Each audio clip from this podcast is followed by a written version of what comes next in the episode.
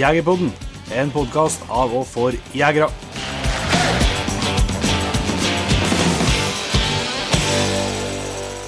Hjertelig velkommen til en eh, helt ny episode av Jegerpodden. Jeg heter Jon Petter Mellingen. Og jeg heter Jon Ingevik. Og da er du tilbake i studio, ikke lenger eh, på ei dårlig telefonlinje. Det ble jo litt amputert sist opptaket før i påske her. Ja, det var en spesiell opplevelse, rett og slett. Det var Jeg trodde det skulle gå bra, det der med, med bra telefondekning og litt forskjellig sånn, men eh, det gjorde det altså ikke. Nei, det var Eller helt- bra telefondekning vel tatt i, men Ja, telefondekning. Men eh, nei, jeg tror vi fikk til noe sånn teknisk der som eh, ingen trodde var mulig før vi gjorde det. ja. Så det, men vi kan jo egentlig bare starte der vi skulle ha starta sist, da, for å høre litt om Du er jo egentlig ikke noe sjøens mann, du heller. Du er jo innlandskrabbe som meg, men du har vært og breska deg på seljakt. ja. Det føles jo lenge siden, og det var jo før i påsk, det. Så det, det føles jo litt lenge siden, men, eh, men det sitter godt i minnet, det. Det vil jeg gjøre framover, og det var en fantastisk eh, opplevelse, rett og slett. Ja. Det er det er noe, Vi har snakka litt om det, og siden vi hadde episoden med Kjartan og forskjellig, og så dukka det plutselig opp en mulighet her nå til at jeg og brorsan kunne ta en tur i lag med ja, noen kjenninger til søstera mi. ja. Eh, men det er jo jækla vanskelig og det er å time inn seljakt, for du er jo avhengig av fint vær og lite vind. Ja. Og på Hadelandskysten så Sliter vi ikke verken med lite vind eller fint vær. Nettopp.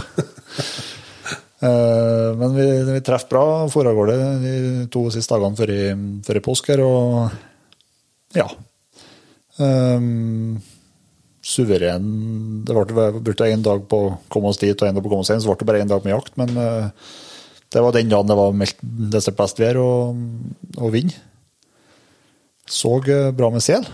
Um, og så ja, jeg skal si, vi har, vi har mye bra sjanser, men eh, det tar litt tid å komme inn i. Ja. Med, med det å komme seg på land og vite hvor lenge de er oppe og kikker og før de forsvinner igjen. Og... Ja, for det er ikke mye sel i Grøndalen sånn til hverdags. Nei, det er ikke det. er ikke altså. Så, nei, utrolig, spe- utrolig spennende. Og så er det- det er så fjernt vet du, i forhold til hva vi driver med ellers. Ja. Og en liten blink, da. Ja, ja det er det. Så nei, det var, det var kjempeartig. Vi fant ikke noen sånn, sånn storflokker sånn, eh, som det sies at det skal finnes på her tida av året, men, eh, men vi fant jo sånn eh, ja, én der og to der og tre der og, og litt forskjellig sånn. og det her, det vi fant noen plasser, sånn, der, vi fant, der det var bare én, så de var veldig sky. Så de så gjerne båten og Ja. Ble litt nysgjerrig, og så så de at sikkert at uh, her er noe fare på ferde, så neste gang så dukka de opp 500 meter lenger ut. Ja. Men der det var flere, der, der ble det bra sjanser. og og eh, ja, det, det funka godt. Og skjøtinga så ut som det ultimate tofotjakta. Ja. Um, og var godt, godt innskutt i, og med tofot så Følte deg skummel. Ja, jeg følte meg skummel. Og det satt, så jeg hadde liksom treffprosent på 100 òg. Ja, ja. På mer enn ett skudd. Hæ? Og mer enn ett skudd. ja, faktisk tre skudd. Så det ble tre skudd og tre sel. og hjertelig Jækla godt fornøyd med det. Og vi skjøt vel ja, ble fem da, totalt, da. Eh, Jeg og brorsan og en til. Eh, Men det verste var at vi fikk opp alle. Ja. Det er jo et problem da at de, søk, ja. de synker, men eh, vi fikk opp alle uten problemer. og Altså, du kan, jo si mye rart om at det er greit å ha med seg en kjentmann ut på jakt, men dæken ta utpå fjorden der å ha med seg en som er bra på å kjøre båt, Ja. eh, og, og er sjøvant, det, det er gull verdt, ja. ja, det vil jeg tro. Det har ikke vært en så bra dag hvis at eh, jeg og du med våres eh, ja, Vi er vel best på robåt, kanskje. Ja, det er helt eh, Jeg kommer fra en plass som heter Finnvolldalen, og det finnes jo et begrep som heter 'sett Finnvolldalen i båten. Ja. Så det sier vel det. Det sier vel det meste. Nei, det var utrolig, utrolig spennende. Ja. Så um, jeg tror vi skal få lure med, lure med deg ut på det en gang til, til våren igjen, tror jeg. Hvis uh, skotene holder det Ja, det kvotesystemet ute på på disse det er jo Et kapittel for seg. Ja, det, det er det. Uh, vi så vel mer sjel vi enn hva total på et lite område Ja. enn hva totalkvota for hele Nordland. Nordland, er. Så det virker litt spesielt, det. Ja. Ja.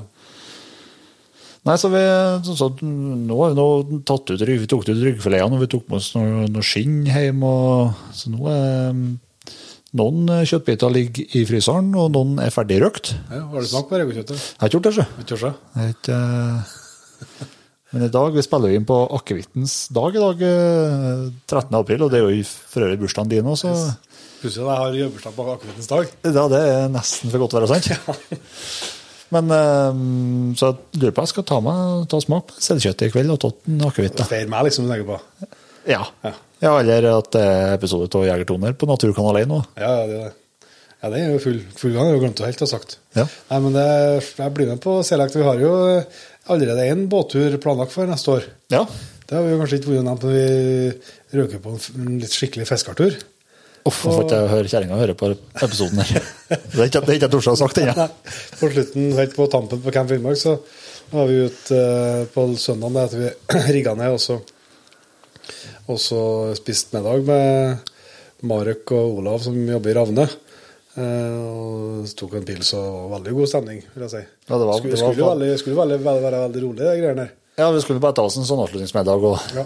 drøfte og snakke litt om eh, helgas opplevelser på Camp Finnmark. Og så Han sa jo før han bare kom faen, vi skal ikke dra på en sånn spenstig jakttur på et eller annet vis, da. Ja, da, da vi skal vi på turlag. Så det så gikk det ikke lenge, så kom en kjenning av oss, en som er kanskje med Trygve. Ja. som eh, kom bort til bordet og, og slo en prat. også. så han uh, solgte jo da eh, sånn uh, bluefin uh, tuna fishing i, i Kapp og Kanariøy. Yes. Og jeg tror antagelig at det enkleste salget har gjort noen gang i sitt liv. Jeg tror det tok sånn 17 sekunder fra han begynte å fortelle om det til vi fant ut at vi tok en tur kar. Ja. Men vi tok den i handa på, alle fire. gjorde det. Så da ble jeg Granka til på, var, Vi var jo solgt når han sa at det var egentlig mer jakt enn fisking. Ja. Da slo vi til. Ja, ja, ja. Så det blir jo Det, det er etter Jeg har sett i filmer og greier etter vi gikk på her smellen, og det ser styggartig ut, altså. Ja, det gjør det. det, gjør det. Jeg tror den uh, unge lovende meldingen skal få utfordra sjøsjuka si òg, da. Ja, det, det, er, det det som er det største. Så etter farskap, Hvis noen har noen sånne gode råd for å forberede seg annet enn å- være på sjøen, da. For å forberede seg til ikke bli sjøsjuk, så mottas de med takk. Ja. ja, for der er Jeg følte vi var på storhavet når vi var på, på seljakt òg, men eh, det der er virkelig ute på Ja, og så ser jeg jo det, det filmet har sett, og det kan være ganske bra sjø. ja. Ja. Det er jeg for helt til Kanariøy fra fisk, og så går jeg ikke å være Så blir det liggende i fosterstilling på Men det finnes da skjer andre holdt meg på Granka da, ingen fisk, da, så det skulle bli helt krise. Ja, det ser ordentlig tøft ut, det der, altså. Det, men at eh, vi skulle ryke på ryke på en fisketur til på titusenvis av kroner, det har ikke jeg sett for meg. Nei, det, ikke det var, han var heldig med Han var, gjorde et meget godt innslag, en Trygve, og så var han heldig med timingen. Også. Men etterpå så glemmer jeg. Det blir jo det, er jo det som har vært For at eh, det har jeg jo ikke tenkt på.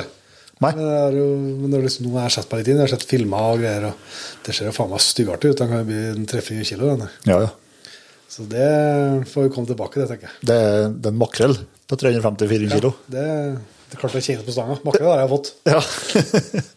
Nei, det blir artig, det. det er, men eh, ja, har ikke, som sagt, jeg har ikke tort å lagt, lagt fram de planene hjemme ennå. Nei, nei, så uh, hvis noen, uh, hvis noen hører på som sier Janne, som har ikke sett noen ting Ja, nettopp. Det var det jeg skulle fram til. ja.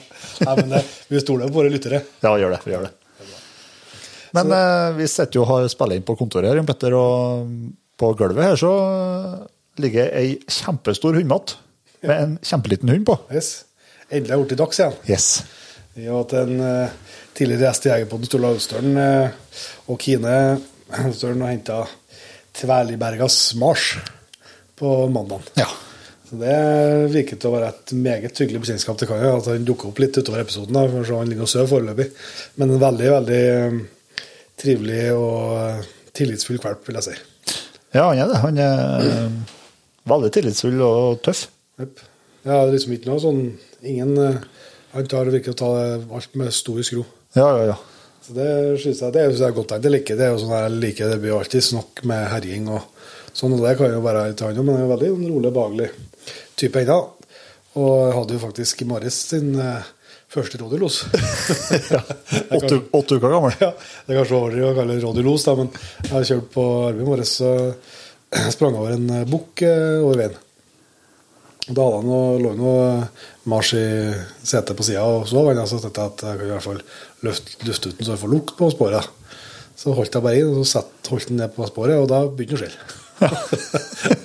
så det er helt merkelig altså, hva som bor i hva liksom, Du tenker at du skal, må, skal få til en hund og greier, men det er noe jaggu mye som, som bor inni hjemme. Ja, ja, ja.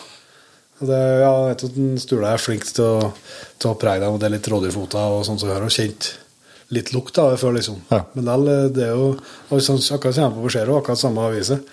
For da, da han var ikke så mye gamlere, han, så da så jeg et rådyr som gikk, og så gikk jeg bare med den i, i bånd bort på sporet, og det vi kryssa sporet, så var lyd. ja. Så det, ja, jeg er noe liten Men ja, men utover, utover høsten så kan jeg gå an å Hvis en er gira, så kan jeg gå an å få prøvd den litt, da. ja, vi må ha som mål å få skutt et eller annet for den. Det skal vi gjøre. Han skal, planen er jo med han eh, Det er at du skal få jaga det aller meste. Ja. I hvert fall eh, Elg òg. Ja, helst ikke elg. Så det er greit å unngå det. Så skal jeg Jeg har nå tre hunder med hakket lengre føtter som, som jeg har tenkt elg, da. men, eh, men det er i hvert fall eh, harry og rev og, og selvsagt rådyr er jo og ikke minst hjort, da, hvis det blir sånn noen muligheter for det. Men rådyr er kanskje hoved, eh, hovedmålet. Men så er det jo eh, Vi har jo savna Rahal eller Dagsen. Det føles veldig godt å ha kommet tilbake på det. Og det er jo eh, heller ikke å legge skjul på at eh, det er jo liksom sønnen min sin, eh, sin hund det her, da. Ja. Det er jo han i hvert fall veldig opptatt av. Ja, ja, ja. Men han har jo tenkt at han skal bli aktiv, han, han, han altså. Nei, det, blir, det kjennes, kjennes bra. Får se om han melder seg på litt lenger ut i episoden. Ja, jeg tipper det. Han er nå pissig og skjettig så mye inn i, studioet tidligere i dag at Jeg er ikke på kon- nabokontoret og sett. Så eh, jeg tenkte eh, vi skulle Det er jo selvsagt alle fleste vet jo ikke allerede om det, men det er jo eh, selv om liksom det er litt jakt er litt over nå det er et par dager igjen med, med revejakt, og så er det selvsagt litt muligheter for bever etter hvert. Eller noe framover. Men det som det er høytid for deg, da, det er jo som jeg har brukt litt tid på, i hvert fall, er jo at det har kommet ut veldig mye jakt på inatur i disse dager. Det har det. Det er vel både elgjakt og hjortejakt og reinsjakt og forskjellig òg. Mm. det er jo liksom april måned, det. Ja, det. Det er jo en, eh, det er jo en stor jobb i seg sjøl, bare å se litt Vi har jo lyst til å prøve å søke på et elgjaktvalg til, kanskje. Mm. hatt litt, litt mer. Eh, så det er jo litt eh, Det er jo en artig syssel. Det går ikke å komme bort fra. Å sitte og se på inatur og gå inn på terrengene og se på kart og vurdere og spekulere på Ja, det blir mye kart. Vi sitter og ser på kart. Yep. Se etter veier, jernbane, terrengformasjon, gårdsbruk, innmark. Ja. eh, husdyr, beitedyr, rein. ja. Det er mye som skal klaffe. Ja, eh, jeg tar meg sjøl at jeg det er blitt veldig kravstor på disse jaktterrengene. Ja, altså, det, det er klart at det, det er jo Jeg vet ikke mindre om det handler om at jeg har hatt litt uflaks og sånn, men eh, så har ikke holdt på tross alt med løshundjakt veldig lenge. Men som eh, Eiko i starten der, han ble jo sluppet overalt og når som helst, da. men altså, så tenkte jeg ikke noe på hvordan terrenget var rundt, eller Nei. noe sånt. liksom. Men jeg kjenner at jeg blir mer og mer sånn opptatt av, av det at det ikke nødvendigvis skal være så veldig med mye elg, eller sånn, men at det skal være liksom ja, så lite risiko som mulig. At det føles trygt å slippe under. Ja, og så at, eh, ja, at det er litt areal å, å gå på. Da. Og så, så er det litt sånn for våre del Så at vi har jo, vi har jo en del elgjakt, så at eh, det er det som er så vanskelig og når det sitter på tid her, for at nå eh, kjennes jo høsten både ut som om det er langt fram til den, men det kjennes jo ut som om høsten også er lang. Men så vet en jo også litt hvordan det bruker å være når det drar i gang, så er det jo bare kjennes ut som en smell, så er det jo plutselig jul. Så det er liksom Ja. å få tima det, og det er jo ikke noe, det artig liksom å i hermetegn oppkupere eh, jaktvall hvis en ikke har tid til jakt heller. Nei, og så er det litt sånn delt òg, for at eh, i fjor høst så ble det jo en veldig lang sesong. Oppi her i hvert fall, for at da var det, da var det snøen eh, lot vente på seg. Eh, det var jo jaktene med, med hund da, som vi foretrekker til langt, eh, i hvert fall hele november. Det hele november går sikkert jakta gått ut i desember òg. Og, men året før igjen så var ikke den jaktene noe mye etter 10. november igjen. Nei, nei Så det er egentlig og mye skitføre egentlig fra 25. oktober. Ja, så det, det er veldig sånn varierende hvor mye Det er veldig væravhengig da, hvor, eh, hvor mye man får jakta. Ja, ja. Og det er det som, Så er det i forhold til ja, tamrein og litt sånt også, som må ta hensyn til. Så Ja, ja det, det, det med snø og rein, i hvert fall her på jakta vi, i hvert fall, den henger i hop. For det er jo, kommer det ikke eh, snø, så er jo rein lenger i fjellet. Ja. Så, men så snøen både, Det gjør både at reinen kommer, og da, da må man ta hensyn til det. Og, og likeens så blir det så mye snø, så selv, det er jo ikke Det går an å jakte litt snø, men det er jo ikke Det er jo mye artigere å jakte om ikke trenger å være barmark, men det er veldig stor forskjell på 5 cm snø og, og 40 cm snø. det Alt blir mye vær. Ja, ja, og tar mye lengre tid. Alt tar lengre tid, og det blir ikke det det samme i hele tatt. Så, nei, det er det men Det i hvert fall, det er hvert fall mye terreng som ligger ute, så det er verdt å, hvis man føler at man har litt lite jakt, så er det i hvert fall verdt å ta en tur inn og se. absolutt. For det er, det er mye terreng ute, og Det er bare, altså, det er bare Meråker, da. Ja, ja, det er masse terreng oppi der som uh, Som ikke har vært, eller har vært tilgjengelig før, men den er tilgjengelig på en ny måte i år. da. Ja. ja. Uh, Så bare der har det kommet massevis. og det uh, Nei, det er litt Hvis noen har noen hete tips jeg skulle, Drømmeterrenget er perfekt å begynne jakt i 15. november til 15. desember. Eh, barmark. Ja. Og mye elg skal være. Hvis det er noen som har, Ja, altså. har det liggende, dere bare si ifra. ja, og så må vi jo få til noe jakt til han eh, Kompisen bakken, svarte ronsrøret nede på gulvet her òg. Det skal vi. Vi har jo noe rådyrjakt, eh, men det er noe Det er noe absolutt ikke nok det heller. Nei. Og hjortejakt skulle vi hatt. Vi har jo fått noe hjortejakt, da. Hjortejakt har vi fått til oss. Eller brødjakt, i hvert fall. Ja. Jeg tror ikke det blir noen god stemning hvis vi slipper noe med hund oppi her, nei. Nei, øh, øh, som det jeg har sett av kart, jeg tror ikke det så Det, det, er ikke, det er ikke dagsvennlig. Nei, det er ikke, det er ikke dagsfør oppe her. så. Så, nei, vi får se. Men det er i hvert fall et eh, hett eh, tips hvis du ikke har vært inne og sjekka og har lyst til å prøve deg på Eller vurdere noe nytt, enten om det er elg eller hjort eller rein, eller så er det noe som er Det er nå du må gjøre det. Yep. Eller ja, du kan jo ha flaks senere òg, men i hvert fall det her eh, De største mulighetene ligger ute nå. Ja, og det er jo ikke å stikke under stol heller at det er jo jaktene som Statskog og fjellstedene rundt omkring som tilbyr som er, er tross alt det som er i hvert fall det rimeligste sjiktet Ja. av jakt. Det er sånn det ja, som er tilgjengelig for alle. Yes.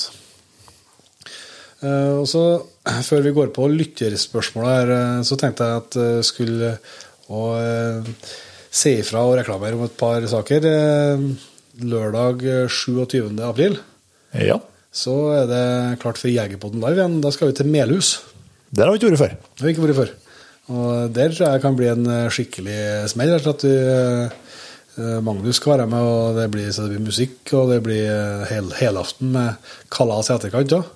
Sånn at hvis du befinner deg i nærheten av Melhus i slutten på april, så vil jeg nå på det sterkeste anbefale å, å sjekke ut det. da. Ja, jeg tror det kan bli livått. Det, det, jeg ser allerede at det er mange som deler og, og er ivrig på skal komme. Yep. Og det, billettene ligger, ute. De ligger på Hupla, dem òg. Og så øh, vet jeg at det har gått ganske bra i starten det på billettsalget, så det er ikke det trenger å være dumt å, å hive seg på og bare sikre seg den plassen. Altså. I verste fall får du gi bort noe igjen.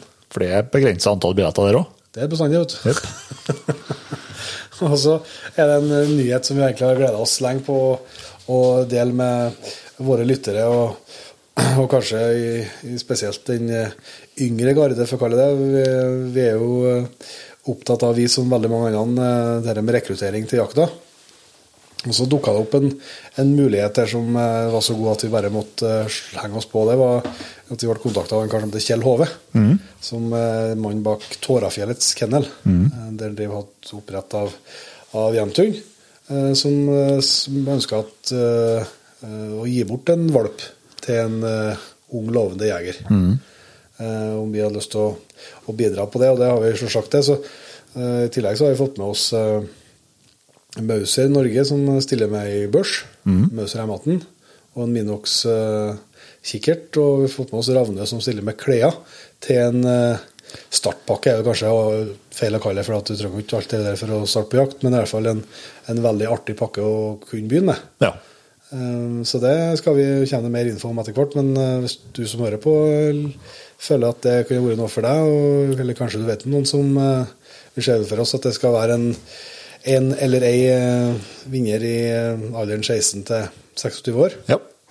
som er litt i, som er litt i gang med jakt, jegerlivet og kunne tenkt seg å kanskje har, har er løshundjeger fra før eller har lyst til å prøve seg på det, har litt tilgang og har litt muligheter for å få til hund. Og så skal vi jo etter beste evne bidra med eh, tips og råd til hund hvis hvis du skulle trenge det.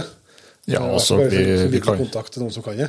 Vi kan jo f.eks. invitere den oppover på elgjakt. Det skal vi i hvert fall gjøre. Det er helt sikkert. Så det blir en litt artig sånn liten rekrutteringskampanje. Det er jo for å hjelpe eh, en heldig jeger, skal jeg si, men det er jo like viktig er jo budskapet om, eh, om rekruttering. Så da skal vi komme med mer info, men eh, det er i hvert fall, i hvert fall fortalt litt om, og så kommer det ut i sosiale medier eh, ganske så snart der. Men det er da altså en Jämtun-valp fra eh, veldig gode linjer. Eh, Topp, topp. topp, topp linje. Og så er det Mauser M18 med Minox sikkerhetssjikte. Så er det klær fra Rovne. Da er du ganske godt i gang. vil Ja, si. det vil jeg si også. Det var langt mer enn hva vi starta med, for å si det sånn. Ja, det Det så ikke sånn ut, nei.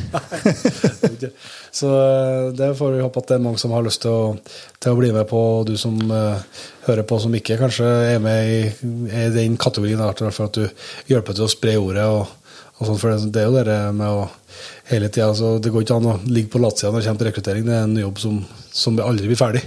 Nei, og det må, det må jobbes kontinuerlig med òg. Yes.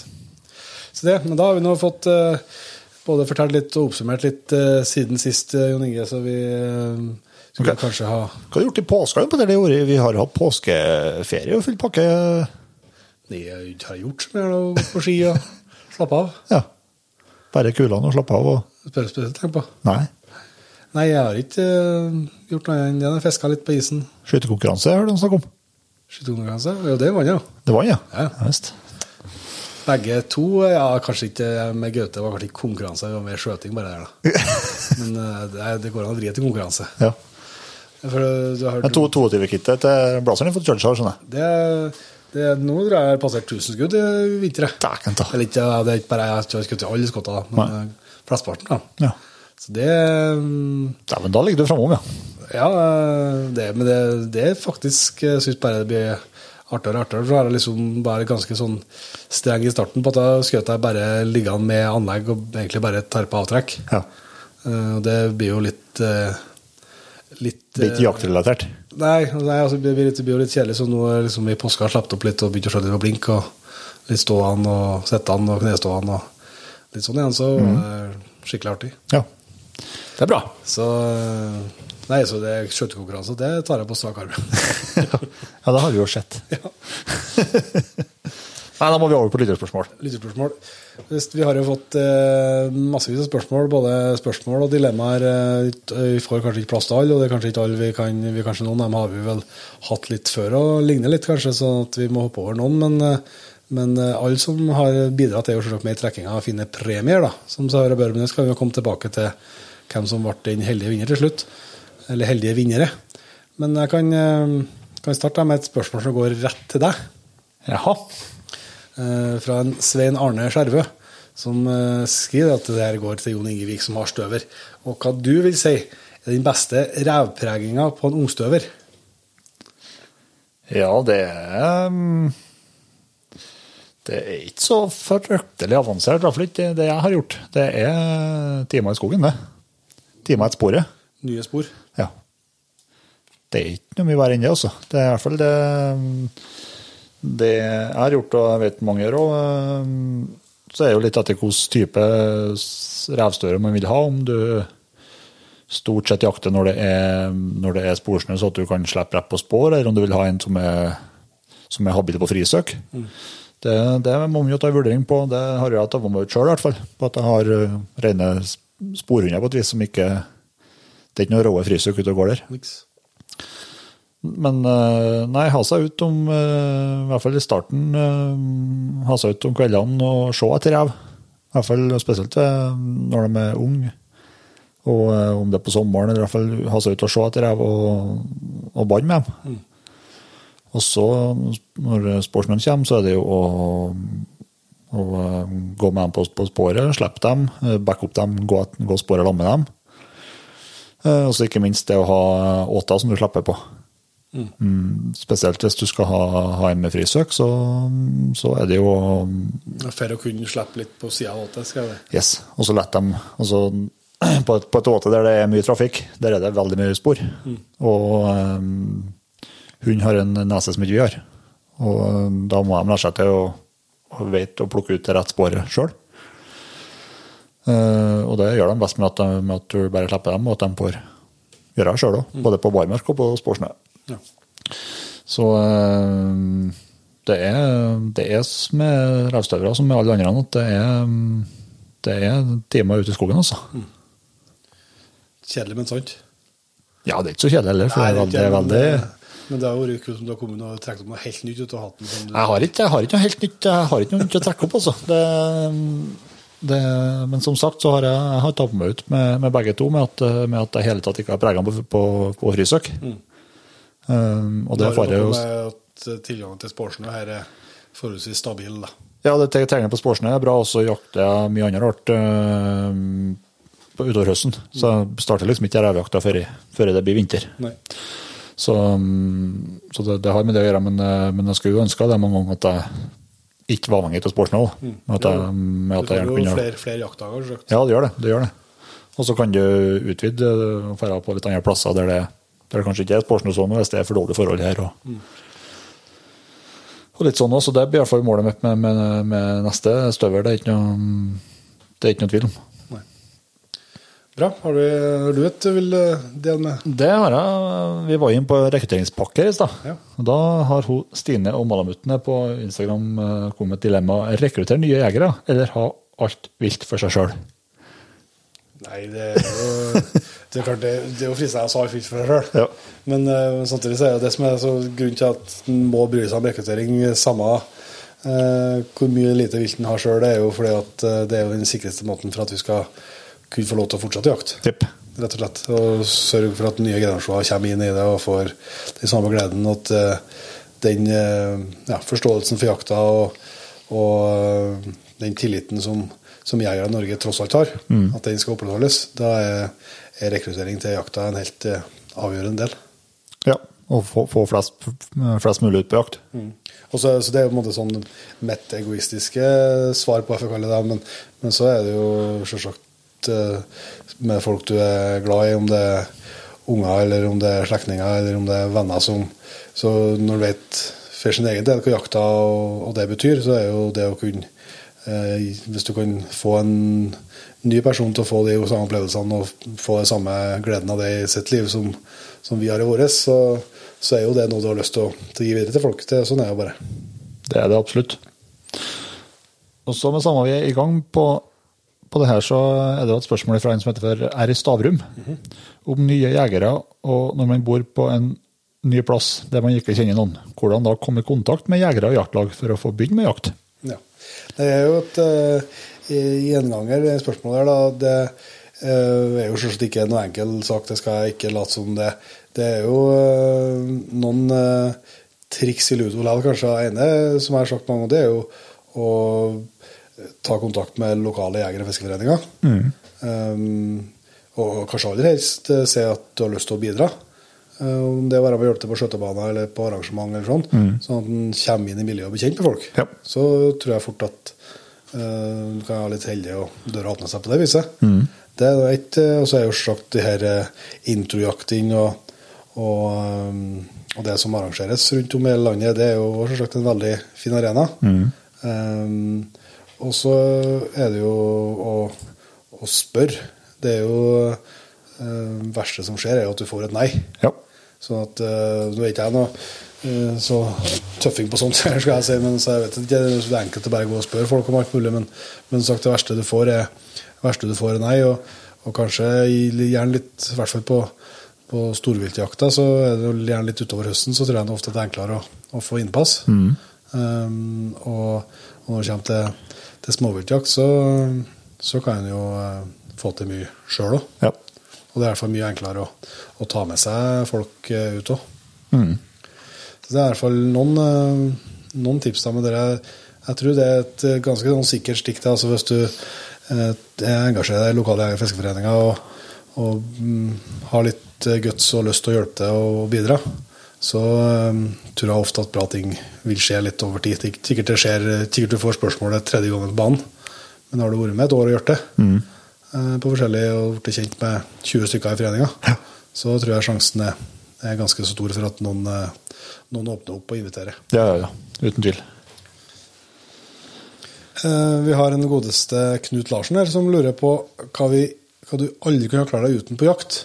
Og da sier han at våpen regnes ikke, regnes ikke da det er en nødvendighet. Så utenom våpen, da. Ja, du kommer ikke unna hundpelleren, da. Nei, hvis det er hund, ikke hvis du Men det er jo du, da, er selvsagt spørsmålet. Mm. Kommer ikke unna hundepelleren, nei, og så skal skal være det um, Jeg har vel sagt det før òg, men uh, Jeg har blitt fryktelig glad til håndkikkerten, ja. Den uh, Igjen tilbake til seljakta. Det, um, det er et must, altså, på, på mange av jaktene. Og, og man føler seg litt halvnaken uh, uten, faktisk, uh, når man virkelig har begynt å bruke den.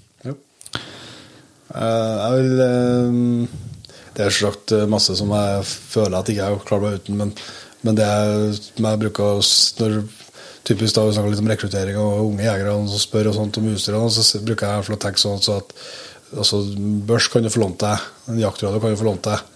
Um, de klærne du allerede har, hvis du har klær til å være litt ute, er mer enn nok til å være på jakt. Du trenger ikke spesialgreier. Men det som jeg alltid anbefaler, det er jo bra sko. Ja. Det syns jeg er veldig veldig viktig. Um, så det, uh, og det, det vet jeg at det finnes noen som mener at det beste er å gå i gummistøvler. Så det er ikke sånn at uh, så det er jo det det er ikke en universal sak, det er jo en individuell sak. For min del så, så er liksom uh, det å ikke ha hatt det jeg opplever som gode i jaktsko eller fjellsko, det syns jeg har vært tussig på, på jakt. Ja. Ja. du er jo veldig sånn, du er jo veldig sånn jaktstøvelkar. Ja, jeg må ha, jeg må ha det. Så jeg kan fortsette eh, med et eh, nytt eh, Det var litt inn på det vi snakka om i stad, på Melhus på Jegerpodden live der, om vi skal ha med oss noen gjester, og det skal vi. Vi vet ikke om det skal være overraskelse eller ja. hva tror du? Nei Jeg Vet ikke, jeg tror det fører Hvis vi røper gjestene nå, tror du at det fører fører til at det blir mer eller mindre påmelding? Det er umulig å si.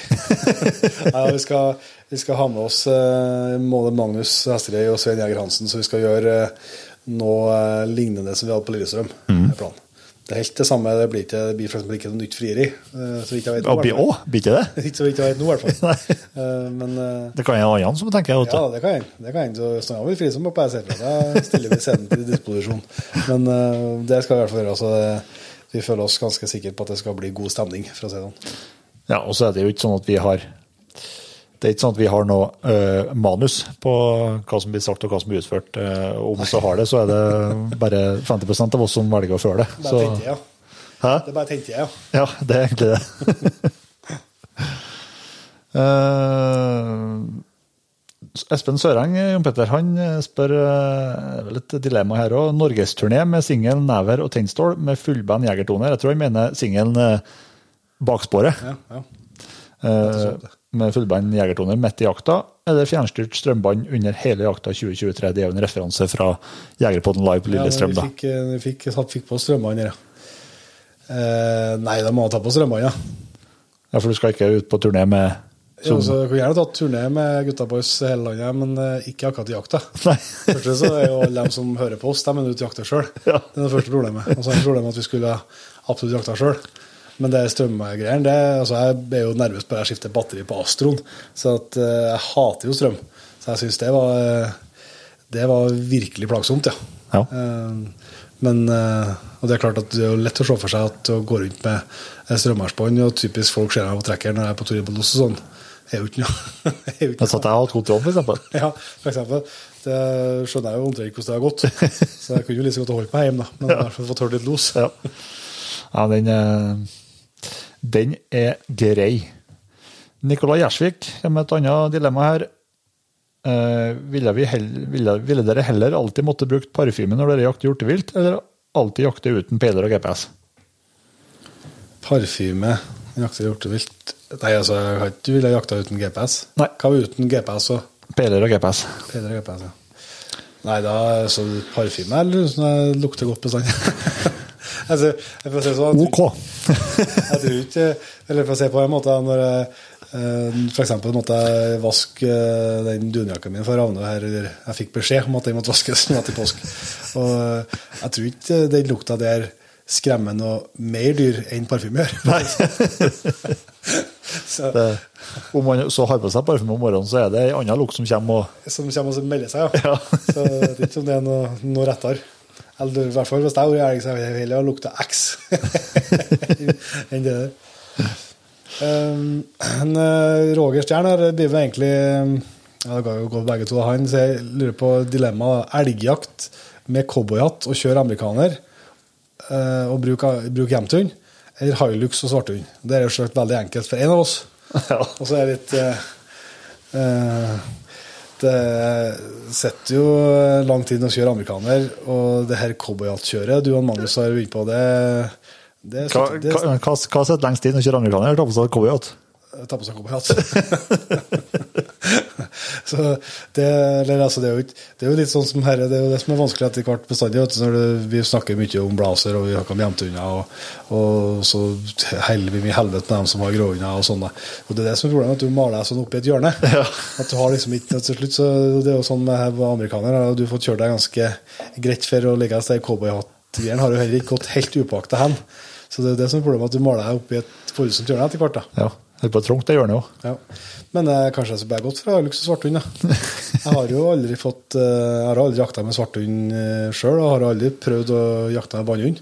Så det kan jo at jeg syns at det er styggartig. Jeg liker Da tenker jeg for det, da, Hvis du kjører amerikanere med cowboyhatten og har hjemtun, hund, og så jeg har Hilux og svarthund, da har vi jo en bil som kommer seg fram, og så har vi begge typer hunder. Så vi kan jo ha litt artig i lag. For Jo da, da. Eh, støt- Jeg støtter deler av forklaringa. Eh, eller en bil som vi så verksted hele tida, i hvert fall. ja. Ja, ja, ja, ja, ja. Eh, vi var inne på en Mars her i starten, og da der følger Martin Polland opp. vet du. Hva er planen for kommende høst med dagskarp jompeter? Hvordan gå frem, hvor tidlig, og hvor mye, osv.? Ja. Det var det, tror jeg var flere faktisk som eh, hadde noen lignende spørsmål om eh, planen din for, eh, for, eh, for Mars, eh, som er Dagsen. Og blant annet var det en, eh, det var en, en som var fersk dagshundjeger sjøl. Ja. Nei, altså, jeg skal ikke late som at jeg er noe ekspert på det. her, da. Det jeg heller typisk referere til den episoden med en stol. da. Eh, Men planen min er jo, som jeg sa i starten på episoden, er at planen er at jeg skal få jakte litt forskjellig. Mm. Så det er jo planen min. Og så er jo spørsmålet hva, hva Mars syns er artig å jakte. Det vet jeg jo ikke noe om ennå. Eh, Den lille erfaringen jeg hadde med Zero, det var at han virka til å synes at alt som eh, sprang ifra han var artig. Og springe etter og los. Og han var jo veldig Det var jo los i hundekassa når vi passerte hvor som helst spor på veien. Så, så han var jo veldig enkel sånn. Men, men det, det jeg tror, da, som jeg har latt meg fortelle fra Og det tror jeg er et bra tips uansett, det, men eh, jeg har latt meg fortelle over, og flere folk som har, kan mye dags, det er jo, det er jo og, altså, kanskje, ikke, kanskje ikke det med alderen. Eh, Det snakker vi mye om på Løsund. På Elgøya han snakker jo om at hvor gammel han skal være. Mm. Det handler jo litt om at eh, det er en litt annen form for jakt for hund, for det er litt mer nærkontakt. Ja. Eh, Så det er kanskje ikke så, så farlig. Det skal jo kanskje være, De skal jo få vokse ut og, og, og bli til litt sånn, selvsagt. Men det er kanskje ikke Jeg skal ikke, jeg ikke eh, For å si det sånn, Hvis jeg henter meg en, en gjemt hund nå, så har jeg ikke forventa å slippe den til neste høst. Nei. Sånn kanskje på slutten på, i elgtomt terreng, kanskje, ja. Ja, ja. I skogen sånn, men, men ikke for å jakte. Men, men han forventer jeg å slippe for å jakte til høsten. Det jeg. Så det skal jeg gjøre. Men, eh, men jeg må jo se han litt an. eh, Planen min er jo at jeg kanskje fra ja, september, da, eh, da er han seks-sju måneder, jeg kan begynne å, å slippe han litt. Og vil han da jage, så må han bare ta det suksessivt derifra. Og jager han ikke, så må han fortsette å, å gi en mulighet til det. Men jeg hvert noe som jeg er ganske sikker på at eh, var bra med måten vi har veien eh, Zero på, det var jo at, at vi eh, Han jaga ved veldig høy kvalitet hele tida. Ja. Fordi at han ble ikke brukt så mye. Nei. Eh, og det har jeg hørt fra flere dagshundfolk at dere en del lakser er ganske tidlig ute å jage. Og det å må være litt forsiktig med å bruke dem for hardt i starten.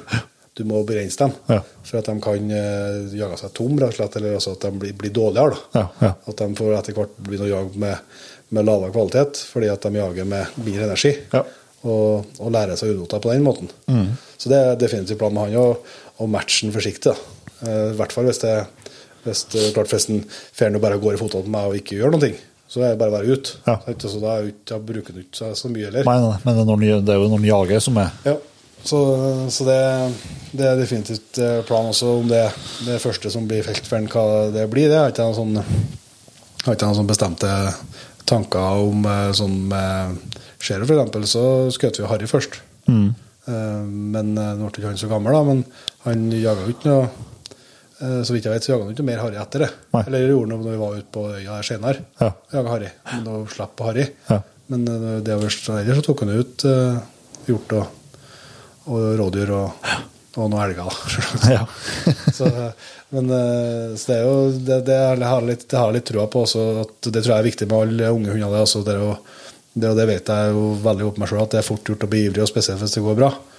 Men det å ha is i magen, og kanskje spesielt første høsten, til å, å la dem få uh, prosessere inntrykkene og, og fylle opp energilagene igjen før de slippes på nytt, eh, det, det tror jeg er en raskere vei til målet. Ja. eh, Selv om det ikke føles sånn akkurat når du står oppe igjen. Men det blir jo litt det samme som, som på spissinga nå.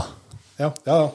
At du må, du må la dem få tida til å til at ting får surre rundt og plassere seg opp i topplokket, og at de får komme seg både psykisk og fys fysisk før de får, en ny sjanse. Jeg, har hørt mange sånn dagsfolk eh, eller jeg har snakka med, som er opptatt av det med, med å ikke, ikke kjøre dem for hardt i starten. Det- Kvalitet kontra kvantitet. Ja, og så er det klart at eh, I hvert fall har jeg veldig lite samfunnsgrunnlag, at det bare er én hund før, men, men han eh, var jo eh, Han jaga jo til ikke det var noe mer, han. Ja. Altså, det var ikke Så han ga jo seg aldri. Nei. Sånn at, og det er klart det er jo en, det er en ung hund og tåler mindre på det. Og den grunnen, så er det jo en, en hund som er liten i kroppen. Og, og klart én mil i fotene på en dags er en helt annen én mil i fotene på en hjemtur. Ja. Så det, det er klart at du må ha med seg hodet litt sjøl, og, og, og det, det tror jeg er en, en smart tilnærming, da. Eh, bra. Da kan vi ta en Tor Arne Hoem her. Tor Are, Trond Are, unnskyld. Jeg tuller med han her. Og Tor under. Eh, plusser og minuser med nye hundekasser fra Peak Polar. Eh, og så har han et dilemma etterpå. Vi kan ta det første først. Eh, det er jo ikke eh, noe mye minuser. Eh, det som eh, Nå har jeg hatt den snart et års tid. Eh, Ja, du har hatt den et års tid nå. Mm, Så eh, jeg syns jo den har jo med seg det beste fra alle. Ja. Eh, og så det, har den jo noen eh, som vi var inne på før, noen, noen features som, eh, som ingen andre har, som eh, du i utgangspunktet håper å ikke få bruk for. Det går bl.a. på innfestinga til bilen, eh, som er, er langt mer eh, solid. og det har jeg jo ikke, eh, heldigvis ikke, ikke prøvd å teste. Jeg har jo hatt bilen på veien. Eh, og så er det jo Det jeg ser som kanskje de tydeligste plussene, for å kalle det, det er jo, er jo at den, sånn som veftene er satt opp på den der, og, og at det ikke er ikke er undertrykk, men overtrykk. Altså at lufta tas inn og så blåses ut gjennom kassen. Um, det gjør at hundene tørker opp fortere. Og at eh, det er mindre kondens i kassen og sånne ting. Da. Det er sånn de tydeligste forskjellene jeg ser. Og så er det jo og sånn for Pipolar, som de, der er jo sånn er bestandig når du starter på ting, så, så tar eh, ting eh, tid. Og ofte tar det litt lengre tid enn du tror òg. Det vet jeg alt om. Så, sånn at de er jo nå i gang med, nye, med produksjon. Eh, har flere kasser, og da vet jeg at det kommer en del nyheter framover Ja. eh, på de nye kassene som, som blir veldig spennende å, å prøve. Og så er det sånn at eh, mye av eh, det som jeg tror blir genialt med de kassene her, det, det vil jo komme etter hvert. For det handler om at det, det legges en, en hjerne inn i kassen Ja. som kan, kan gjøre kule ting. Og i og med at det egentlig har vært bare en par-tre kasser i verden, så er det ikke det noe de har fokusert på i så langt. Nei. Det er det ikke. Så det, har ikke, det er ikke saker som vi har fått testa så mye. Nei, og så utvikles det jo fortløpende. Eh, nye ting, og, og det jobbes med, med, å få til varme, varme elementer. og det er mm, Men det, det, det, er veldig viktig, det som du sier, det, med, det som går på sikkerhet. Både i form til innfesting inn til bilen, eh, det som går på, på, varme, på oksygen, på CO2. Alt det der er jo eh, altså Det blir som en forsikring. da. Du betaler mer for Du betaler mer for noe som du sannsynligvis håper eller for noe som du ikke vil, egentlig ikke vil ha bruk for. Ja, ja.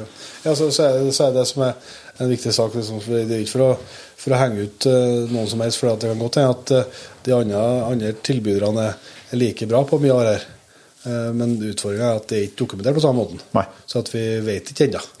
Så det er jo noe som jeg har heia på håpet kommer, for nå begynner det å bli såpass mye hundekasser etter veiene at at vi burde ha hatt noen helt uavhengige ja. som har gått inn og, eh, og som, som, kan det her faget, og som, som, kunne ha sagt noen ting om eh, eh hvordan de skal oppføre seg en, ved en kollisjon f.eks., eller eh, hvordan ettersyn du bør ha på, på innfesting. Mm. Eh, hvor mye hunder kan du ha? Eh, når kreves det kjøling? Når kreves det varming? Altså at vi har hatt noe som har vært helt uavhengig av alle produsenter. Ja, et, et, helt uavhengig testpanel som hadde, som hadde gått inn og, og uh, eh, skaffa seg, seg, en kasse fra hver leverandør. Mm.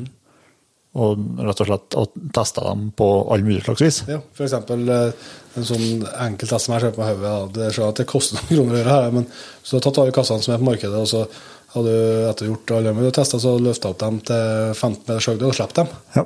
Og sett oppfører alle seg likt? Er det noen som blir pinnved, og en som er like bra, eller blir alle pinnved, eller altså hva? For det er jo ting som, som er viktig for den som skal kjøpe mm. Eh, og veste.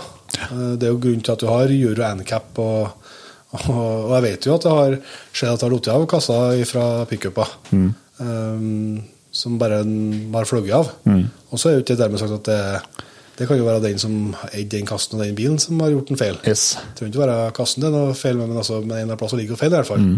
Og da er jo det er sånne ting som Jeg håper i hvert fall at det ikke kommer dit at det måte eh, kalle det stygg ulykke, før at sånne ting blir satt på dagsorden. Nei, nei. Eh, fordi at eh, det er klart for bare fem-seks år siden så, så, var det veldig veldig få hundekasser å se i Norge. Nå, når du er ute etter veiene så, så stort sett bestandig så ser du en, en pickup hundekasse en eller annen ja. plass. Ja, det, det er det, og det mm, det blir, skal bli spennende å se det, og det, det, er jo utvilsomt en sak som er en, ja, enten eh, Kennelklubben eller Jegerfisk eller eh, ja, noe sånn helt, helt uavhengig burde ha tatt tak i. Ja, I lag med ikke som gjør sånt med Trygg Trafikk eller eller, ja. eller NAF mm. eller noe så, som kunne ha samla kompetansen mm. som trengs for å, for å gjøre i Og det er jo det håper jeg og tror at alle leverandører av kasser er interessert i. Ja. Fordi at alle blir jo bare bedre av det. Ja. Og hvis det.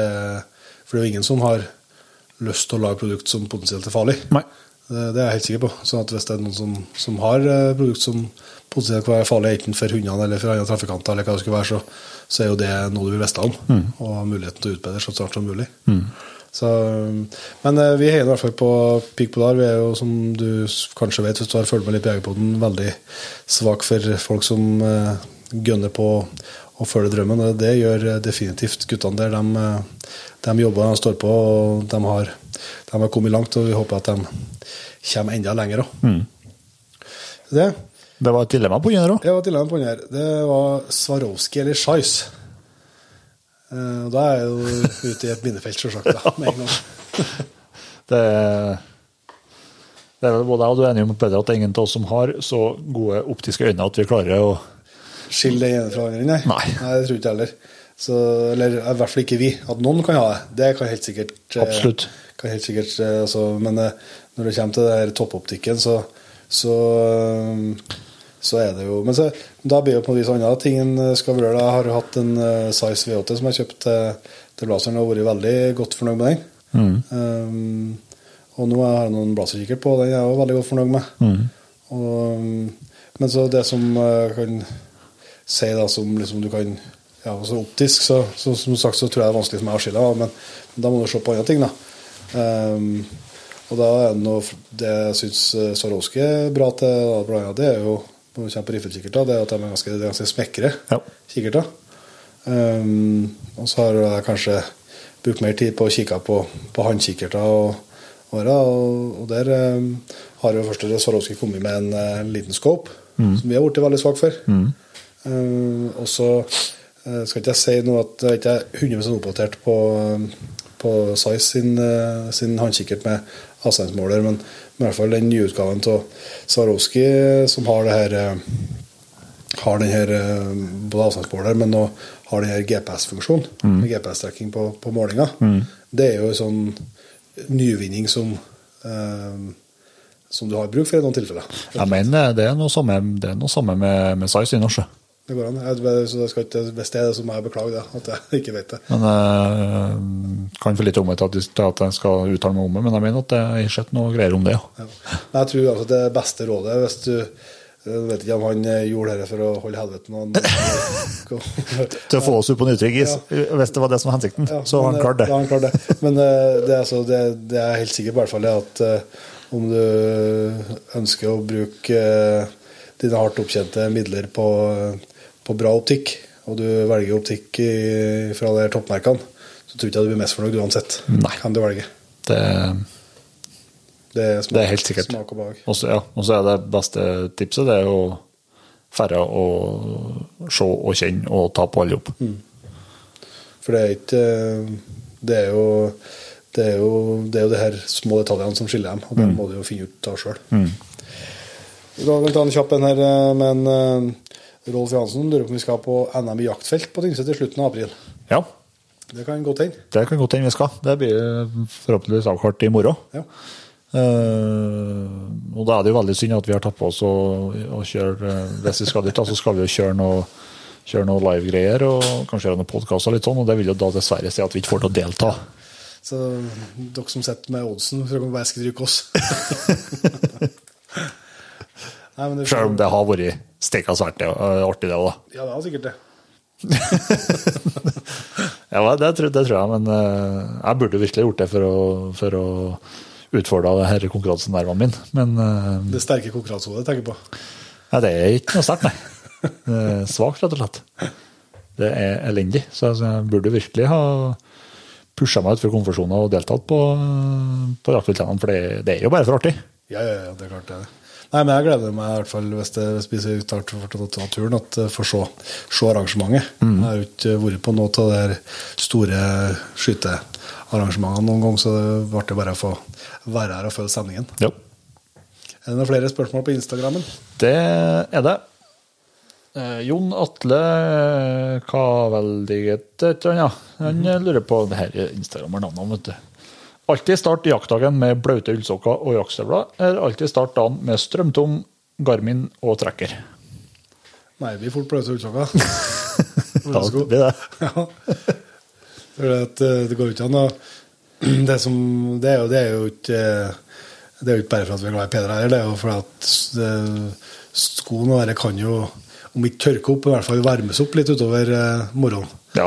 Uh, mens uh, er du strømtørr på trekkeren, så, så er jo dagen kjørt, da. ja, det er en. Men han Thomas Esar han eh, kommer med en litt utfordring her. Hva er vårt beste jaktminne i lag? Så det vi har opplevd det i, i hop, du og jeg. Du og jeg, Alfred. Nei, hva det kan være det? Det er jo selvsagt, det ligger jo tett på, altså at det er kanskje fristende å ta det, men eh, To, jeg kan ta fram to, da, som stemmer over dem.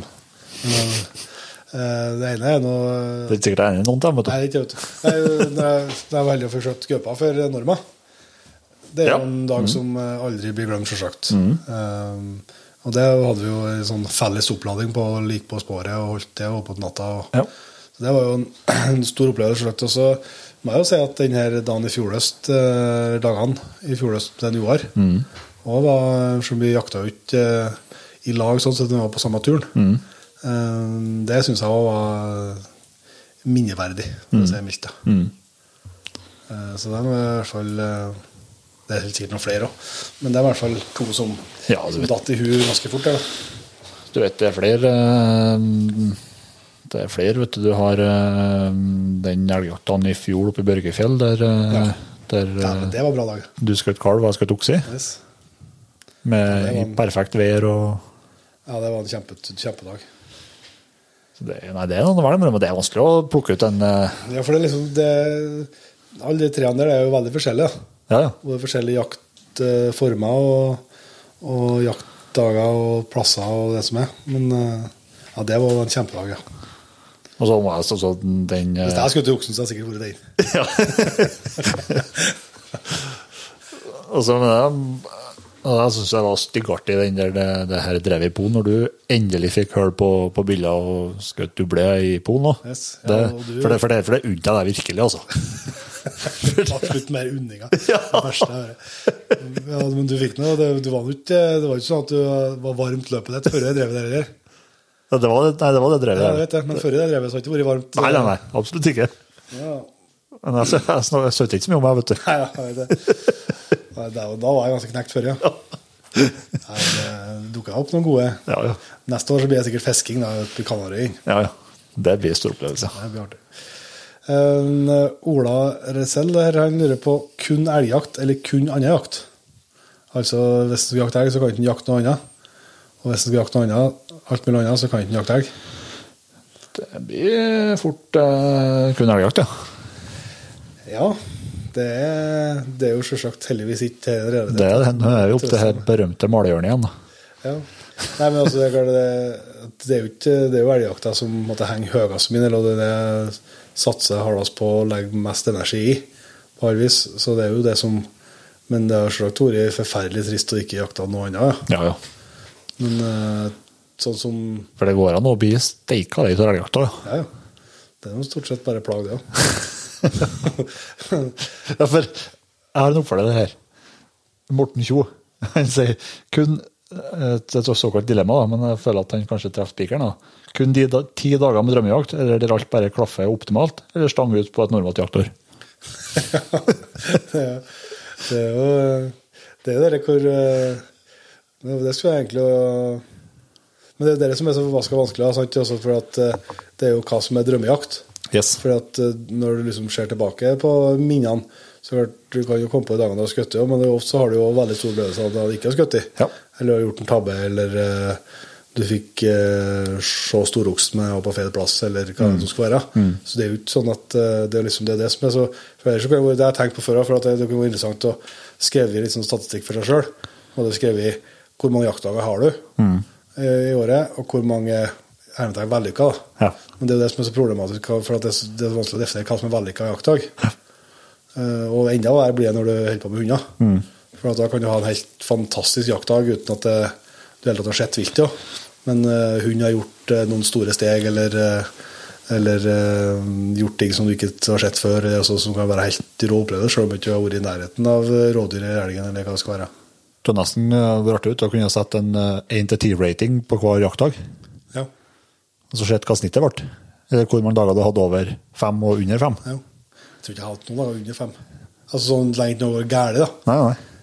Altså, det er jo altså, så, så, ja, det kan jo gå skikkelig. Du kan jo miste hund, og, og det kan uh, bli skarskjøting, og ting som måte, går, går inn på deg og er, er skikkelig kjipt. Men det hører jo heldigvis til, til sjeldenhetene. Mm. Så alle de dagene det ikke er det, så er jo ikke, så er jo ikke under fem, liksom på én til fem. Nei, det er jo Nei, det, er et poeng, det.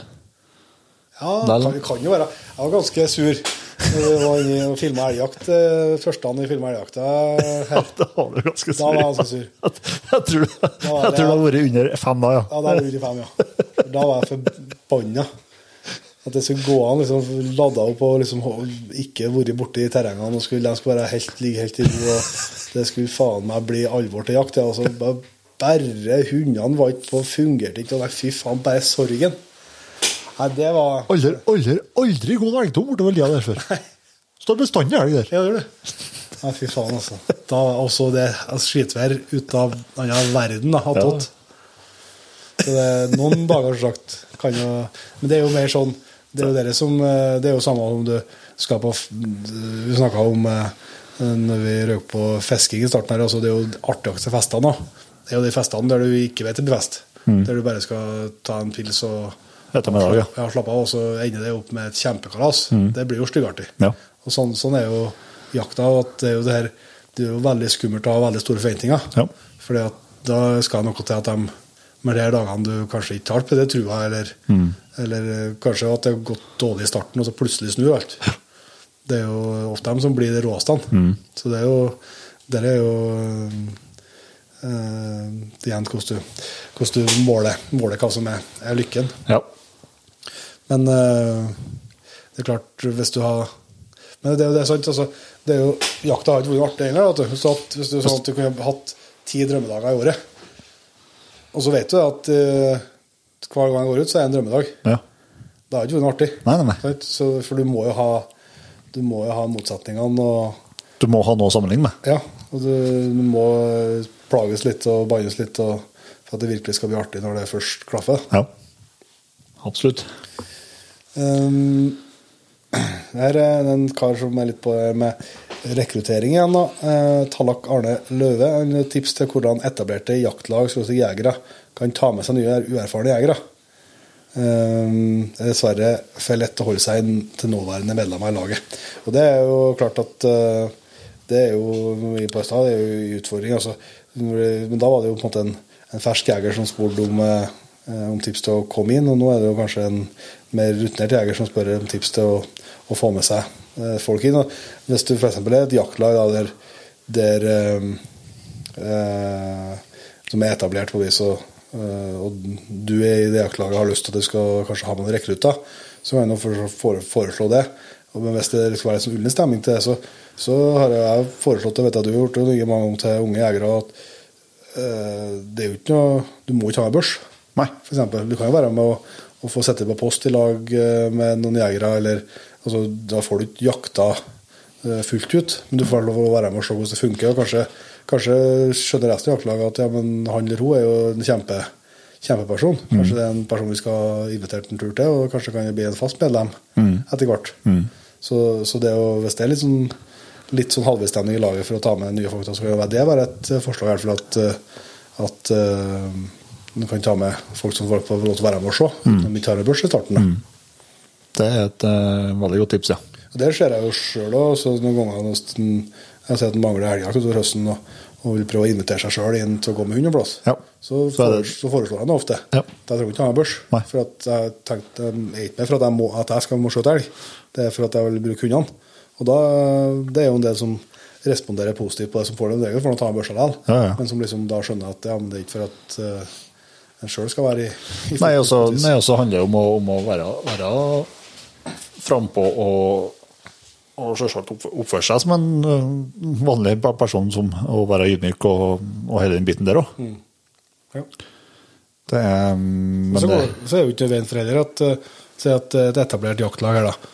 Um, så kan jo eh, jaktlaget ja, så er, Der er det jo med mye Jeg har vært med mange både førstegangsjegere og, og, um, og, eh, og folk som ikke har vært med hatt med børs.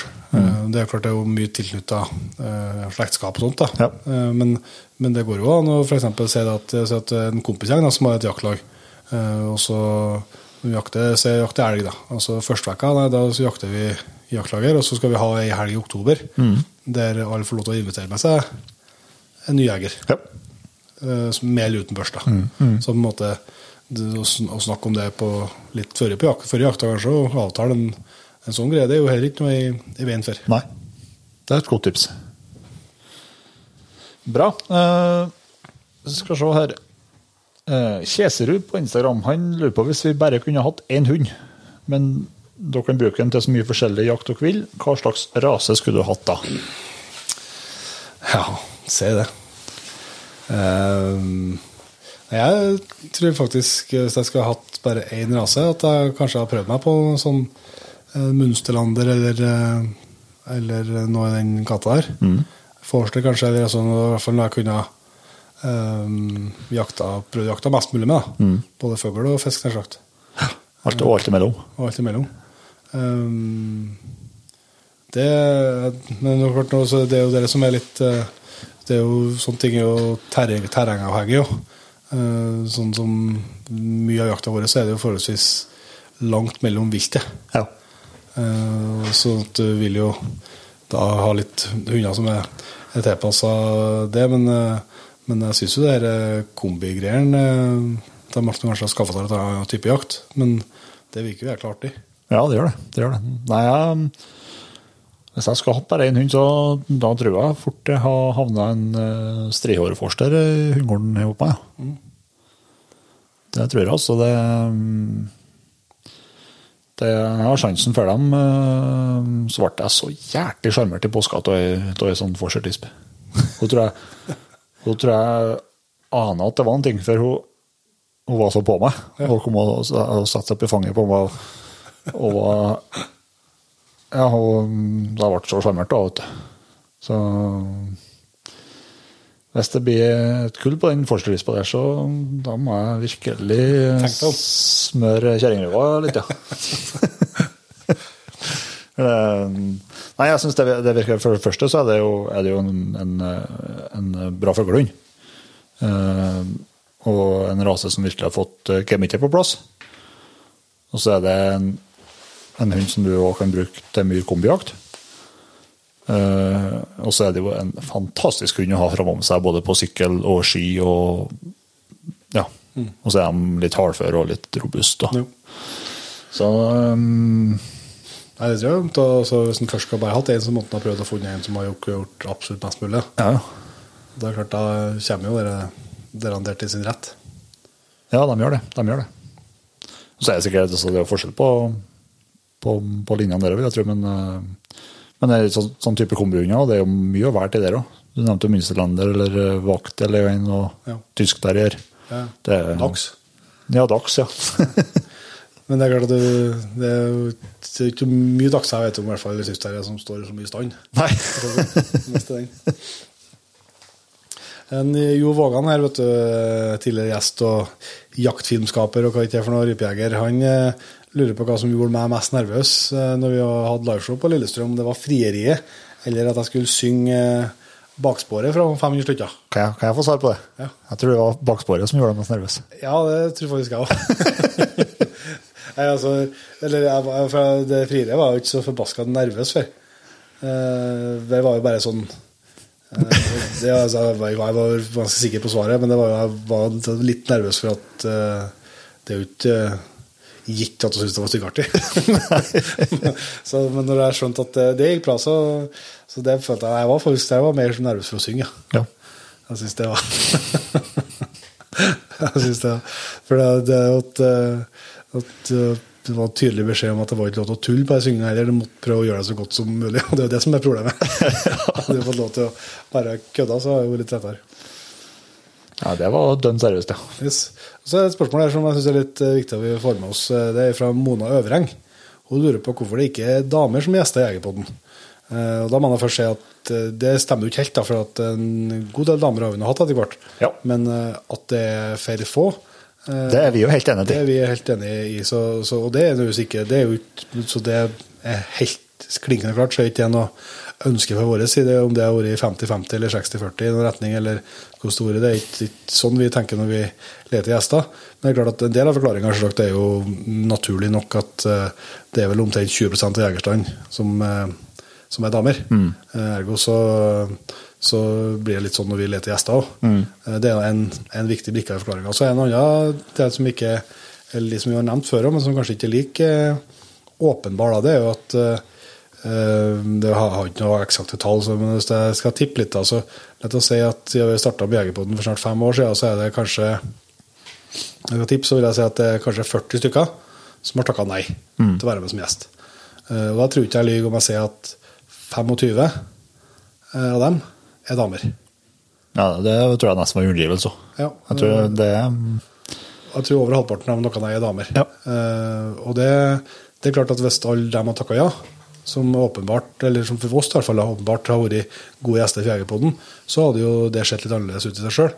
Og så kan en jo spekulere i hva som er årsaken til, til at uh, uh, uforholdsmessig mange damer har valgt å takke uh, nei til å være gjest. Det, det er jo ikke, får ikke jeg noe svar på. Jeg håper ikke at det er vi som virker trollete. Men, men at det, det jeg tror, det er jo at ofte så er det jo litt sånn at damer er litt mer edruelige på hva de kan og ikke kan, kanskje, mens vi menn er litt uh, kjappere til å bare hoppe ut i det. Uh, det vet jeg jo bare sånn ifra, rekrutteringsverden i jobbsammenheng, i hvert fall, så vet jeg at dess flere kulepunkter du setter på på ønska kompetanse eller områder som en ansatt skal ha, dess eh, færre kvinnelige søkere får du. Fordi at uh, damene ønsker gjerne kanskje, eller en del av dem i hvert fall, ønsker kanskje å krysse av på alle de punktene, mens uh, vi mener kanskje er mer at ja, hvis vi krysser på punkt eller to, så er vi gode nok. Um, så Det kan jo kanskje, kanskje være forklaringen, det vet jeg ikke, da. men det er i hvert fall et uh, forsøk på svar. sånn at uh, det er på ingen måte noe ville handling at det skal være noe, um, være noe annet enn likestilling i Jegerpoddens gjesteverden, gitt. Jeg er helt enig med deg på det. Har du noen spørsmål å komme med, eller? Ja, jeg sitter her og leter litt da, og prøver å ikke bli så ikke bli så mye det samme, samme her. Da, litt at vi ikke går igjen med det vi har snakket om før òg. Han Mats Skovlund på Instagram han spør om litt om den kommende jaktsesongen, og om vi vet litt hvordan den kommer til å bli. Om vi har noen forventninger, og om det er noe vi gleder oss litt ekstra til. Ja, kommende jaktsesongen. Det som Vi har begynt å fått en del på plass. Vi nevnte jo at vi har vært heldige og fått landa noe brølejakt. Mm. På hjemmebane, nesten. Ja, i hvert fall sånn nært som vi kommer, en brøleplass, tror jeg. Ja. Eh, Grong. Det er jo inspirert at de oppleves sånn i fjor høst, egentlig. Uten tvil. Til nye år. Så det kjente jo bare at eh, når det dukka opp, så var det bare å slå til på det. Ja. Eh, og så har vi nå fått, vært heldige og fått landa et, eh, et bjørnejakt, eh, et terreng for bjørnejakt i Sverige. Eh, Det er jo, For min del så er det noen år siden jeg har vært på bjørnejakt. Eh, Det har jo handla om at eh, jeg har ikke hatt noe Eller hadde jeg kanskje ikke noe eller hunder som, som skjeller bjørn sjøl. Og så er det jo bare å være med og sette post, har ikke frista så mye for min del. Så, men også kombinert med at jeg har hatt en del hunder som jeg kjenner at jeg må trene da, i den tida. Så, men nå har vi fått et terreng som vi på en måte styrer over sjøl. Ja. Og da kan vi jo prøve oss på litt eh, bjørnejakt hvis det dukker opp muligheter for det på det terrenget de dagene vi er der. Og hvis ikke så går det i hvert fall å trene litt unna. Det gjør det. Så det, det gleder jeg meg skikkelig til. Ja. Den, eh, det, det første så er jo med vekka med oppkjøring for hundene, som jeg har veldig trua på at jeg får godt betalt for utover senere på høsten. Og så vet jeg, og det er litt erfaring jeg har fra bjørnejakt, at eh, det er jo ikke noe jeg syns har vært mer spennende enn når det er, er bjørnlos. Nei, det syns jeg er helt sinnssykt spennende, rett og slett. Det er litt det som måler seg med det. Og så mm, attpåtil da, for- mm, fikk et terreng som er noenlunde, noenlunde nært da, til hjem, at det ikke er liksom ti timer i bil. Ja. Det, mm, det hjelper på det, og det skal bli ordentlig spennende. ja. Så har vi har jo mye av samme, samme elgterrengene som vi har hatt fra før av. Det er jo, i hvert fall for min del, så mm, den eh, vekka vi har, altså første, første uka, der er ikke i lagt i jakta med deg. Der, eh, det er jo ute på trekking. Ekstra artig. Ekstra artig, ja. Det er ute på, det er ute på trekking nå, så mm, det er jo veldig spennende om vi får, får det på nytt igjen. Mm. Vi har hatt det i fire år nå og Har lyst på fire til. har lyst på fire til, ja. Det er jo det, det tar jo liksom et år eller to før man liksom lærer seg terrengene, og så føler man på fjerde året at man, eh, at man eh, nå begynner man å kan terrenget litt, og så Kjedelig å starte litt på nytt, ja. Ja. Så, mm, men det, det er heldigvis et terreng som er, det, det er forbeholdt innbygdsboende, i hvert fall den første perioden, da, som vi ønsker å søke på. Så en viss sjanse for å få det på nytt eh, er det nok, men jeg tror det er flere om beinet der også. Så, mm, Nei, så, så skal vi nå ha noe drivjaktturer igjen. Litt Ja. senere på høsten, så det blir jo artig. Og så selvsagt er det jo sånn det, Ja, altså jeg, jeg håper jo at eh, jeg kan fortsette litt med Rex, der han slapp i fjor, eh, der han fungerte veldig godt. Så at det måte men at han i løpet av høsten i hvert fall kan være mer eller mindre ferdig. da. Um, og så har jeg jo et stort uh, har jeg jo stor tro på at vi skal få Fred ta nye steg. ja. Eh, Det tror jeg. Det tror jeg hun, da, hun var jo i gang i fjor, da, bare at hun ikke var, var litt for kveld på det. Det ser jeg allerede nå i, bare i vinter hvor mye som har skjedd i topplokket på mye roligere og, Mm. og virker mer voksen. Så det um, har jeg trua på. Så er det jo selvsagt eh, et veldig høydepunkt og skal begynne å prøve, selv om ikke han som ligger på puta her nå Han ser, han ser ikke styggfarlig ut der han ligger nå. Nei, gjør ikke. Men, men når hun får noen måneder på baken, så er det jo selvsagt det et, eh, et stort mål og ønske. Og da, Vi har jo ei uke med rådyrjakt, men, eh, men eh, der blir jo litt mer på leit etter hvert. da. Ja. Og finne, kanskje finne noe, det, er jo, det er jo litt mer lettvint jakt. sånn, Det finnes jo plasser det går an å få tak i kort og, og prøve litt uh, rundt omkring. Etter hvert når den, uh, Uten at det skal Det blir jo helt sikkert mye uh, forsøk med han, men at det, det må ta litt mer på sparket innimellom eh, eh, den her jakta som en har ellers. da. Så det, det Så håper jeg jo at eh, vi skal få, få gått noen prøver, da. kanskje med, med Mars etter hvert, eh, men nå med, med Freya Rex. da. Jeg er jo et, jeg er jo et, eh, jeg har gjort litt gira på det der, så det er jo et mål.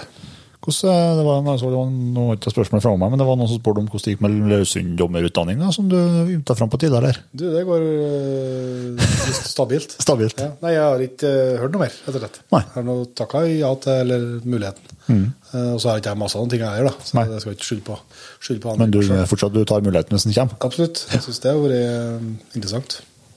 Det er jo, det er jo sånn dess mer det som jeg har sagt mange ganger før, dess mer du holder på, dess mer skjønner du hvor lite du kan. Ja. Dess mer lyst får du til å lære litt til. Yes.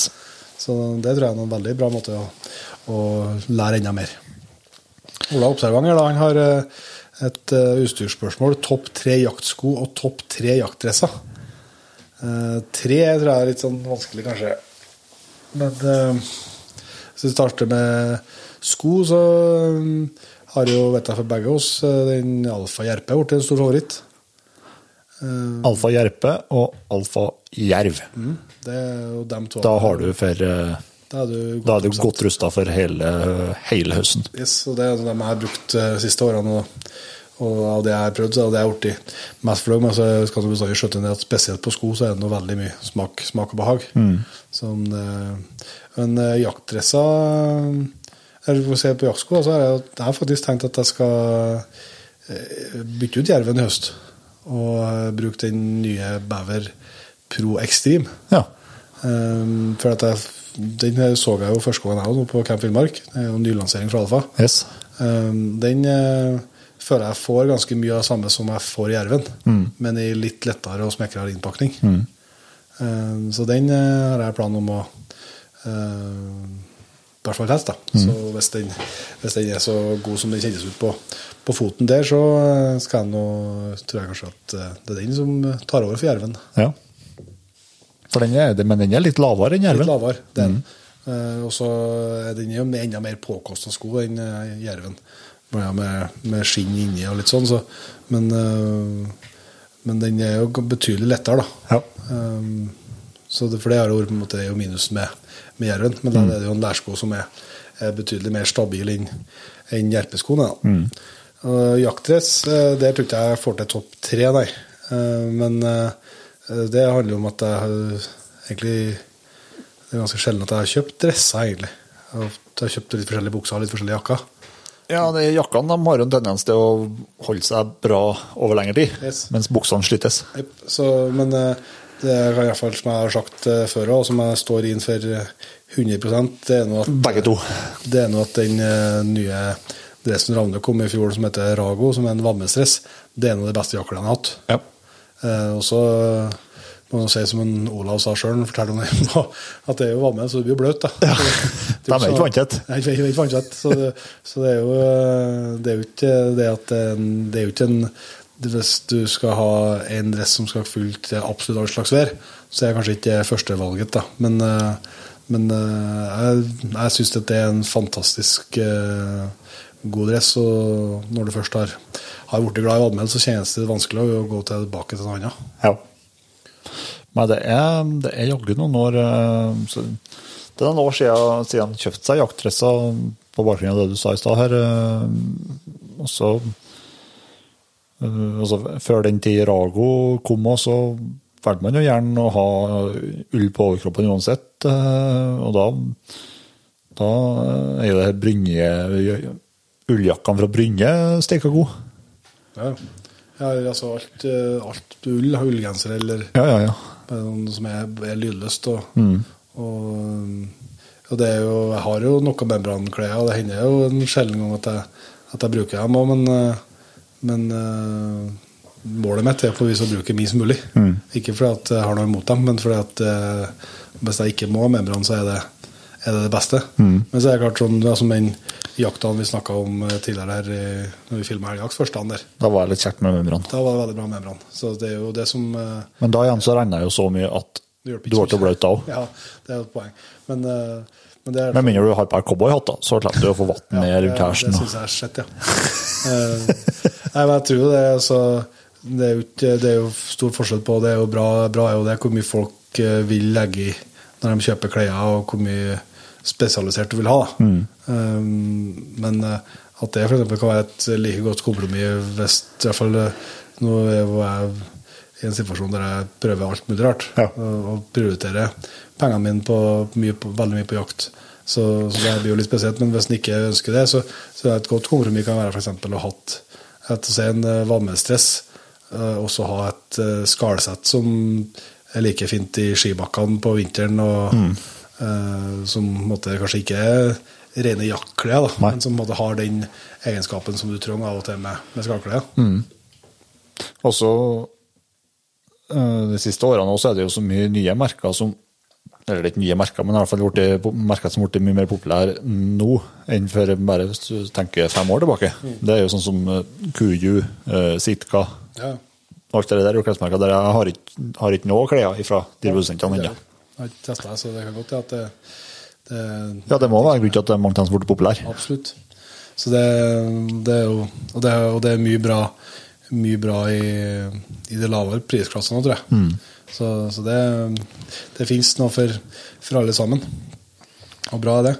Um, jeg kan ta et uh, nytt til deg hvis du har et på Jo, har et uh, kort og enkelt, uh, kort og godt uh, matrelatert her, Jon Petter. Bjørn Martin lurer på meierismør eller melange. Jeg er på meierismør, ja. Ja, meierismør er bra. Det er bra. Da er vi enige der. Men det er visst noe grunn til å bruke melange når man skal steke biff. sånn. Jeg har lært meg å fortelle. Men jeg syns jo det her eh, Jeg ser de blander jo gjerne olje Der var Dagsen, ok. Dagsen holder på å melde seg. Uh, blir gjerne blanding av meierismør og olje går nå an, da. Ja. Det er jo en slags melange igjen, da. Nei, jeg, så jeg er glad til meierismør, ja. Det ser du på meg. Christian Nygaard, aldri mer caps eller aldri mer flanellskjort? Aldri mer flanellskjort. Ja. Så Du har sett uh, hvor lite hår jeg har, så, så er ikke noe, det er ikke noe dilemma som er vanskelig for, min, for mitt vedkommende. For, den, for dem av dere som eh, vet hvordan det er å være snø, og så skal du ut i november, og det er sånn uh, stor slappsnø. Og hvis du da ikke har noe på hodet Du kan selvsagt ha i huet, da må ikke være caps. Men da eh, må du Det er som tortur. Ja. Og Da spekulerer du ikke på om du skal ha noe på hodet. Den godeste Lasse Lynum han har spørsmål om eh, historien om jakt på to Tobiasvallet. Ja. For dere som ikke kjenner på Tobiasvallet som begrep, så er det altså nabovallet. Eller i hvert fall et valg du ikke har lov til å jakte på. Ja. Sånn at eh, det har jo selvsagt ikke forekommet for Jegerpodens redaksjon. Eh, og det egner seg i hvert fall ikke Også, også kjent som Viåsen, ikke Jo, Viåsen er Tobiasvallet synes jeg er et fint begrep. Litt, vi ser vel gjerne bare litt på Tobiasen. Tobiasen, ja. Litt, litt på Tobiasen. Så vet jeg noen svensker som har et begrep som er tilrekkelig nært. ja. Det kan jo være. Men det er jo selvsagt ikke noe vi, vi støtter opp under. Uh, men uh, uh, Jørgen Hegge Åsa der, han lurer på om vi har noen ettersøksgodkjente hunder sjøl, og hvordan vi har gjennomført opptreninga. Det har vi jo hver sin. Mm, ja. Ja. Rein, og du har én, ja. Mm, stemmer. Så det er nok ikke noe hokus eh, pokus eh, det heller, fra vår side. Jeg tror at eh, eh, så det er noe eh, Det er noe jaktløsten som måtte ha drevet dem gjennom, gjennom det. Uh, og det er noe legge blodspor og gode. Det som man kan si, i hvert fall med eh, den tabben jeg har gjort tidligere, i hvert fall eh, med, med Eiko, når jeg begynte med han og skulle ha han godkjent, det var jo at uh, da gikk jeg for mye. Mm. Han syntes det ble kjedelig. Eh, sånn at eh, det har i hvert fall vært litt mer nøye på videre, eller gå et spor, og så la det være med det. Ja, altså- altså, når du ser at jeg mestrer, Ja. så er det bare å melde på og så satse på at det går bra. Ja. Og så tror jeg jo du både, både, både og du kan ta sjølkritikk på at vi er for dårlige til å trene eh, videre etter godkjenninga. Yes. Hva du tenker om Dagsen? da? Skal du Ja, det har jeg lyst til å godkjenne, ja. Ja. Eh, Det er jo for å ha en ettersøkshund til rådyr. For det er jo ikke noe jeg ønsker å bruke Rex på. Ikke? Nei. Nei. Jeg vet jo hvordan det er å ha hjemthund som glad i å rådyr.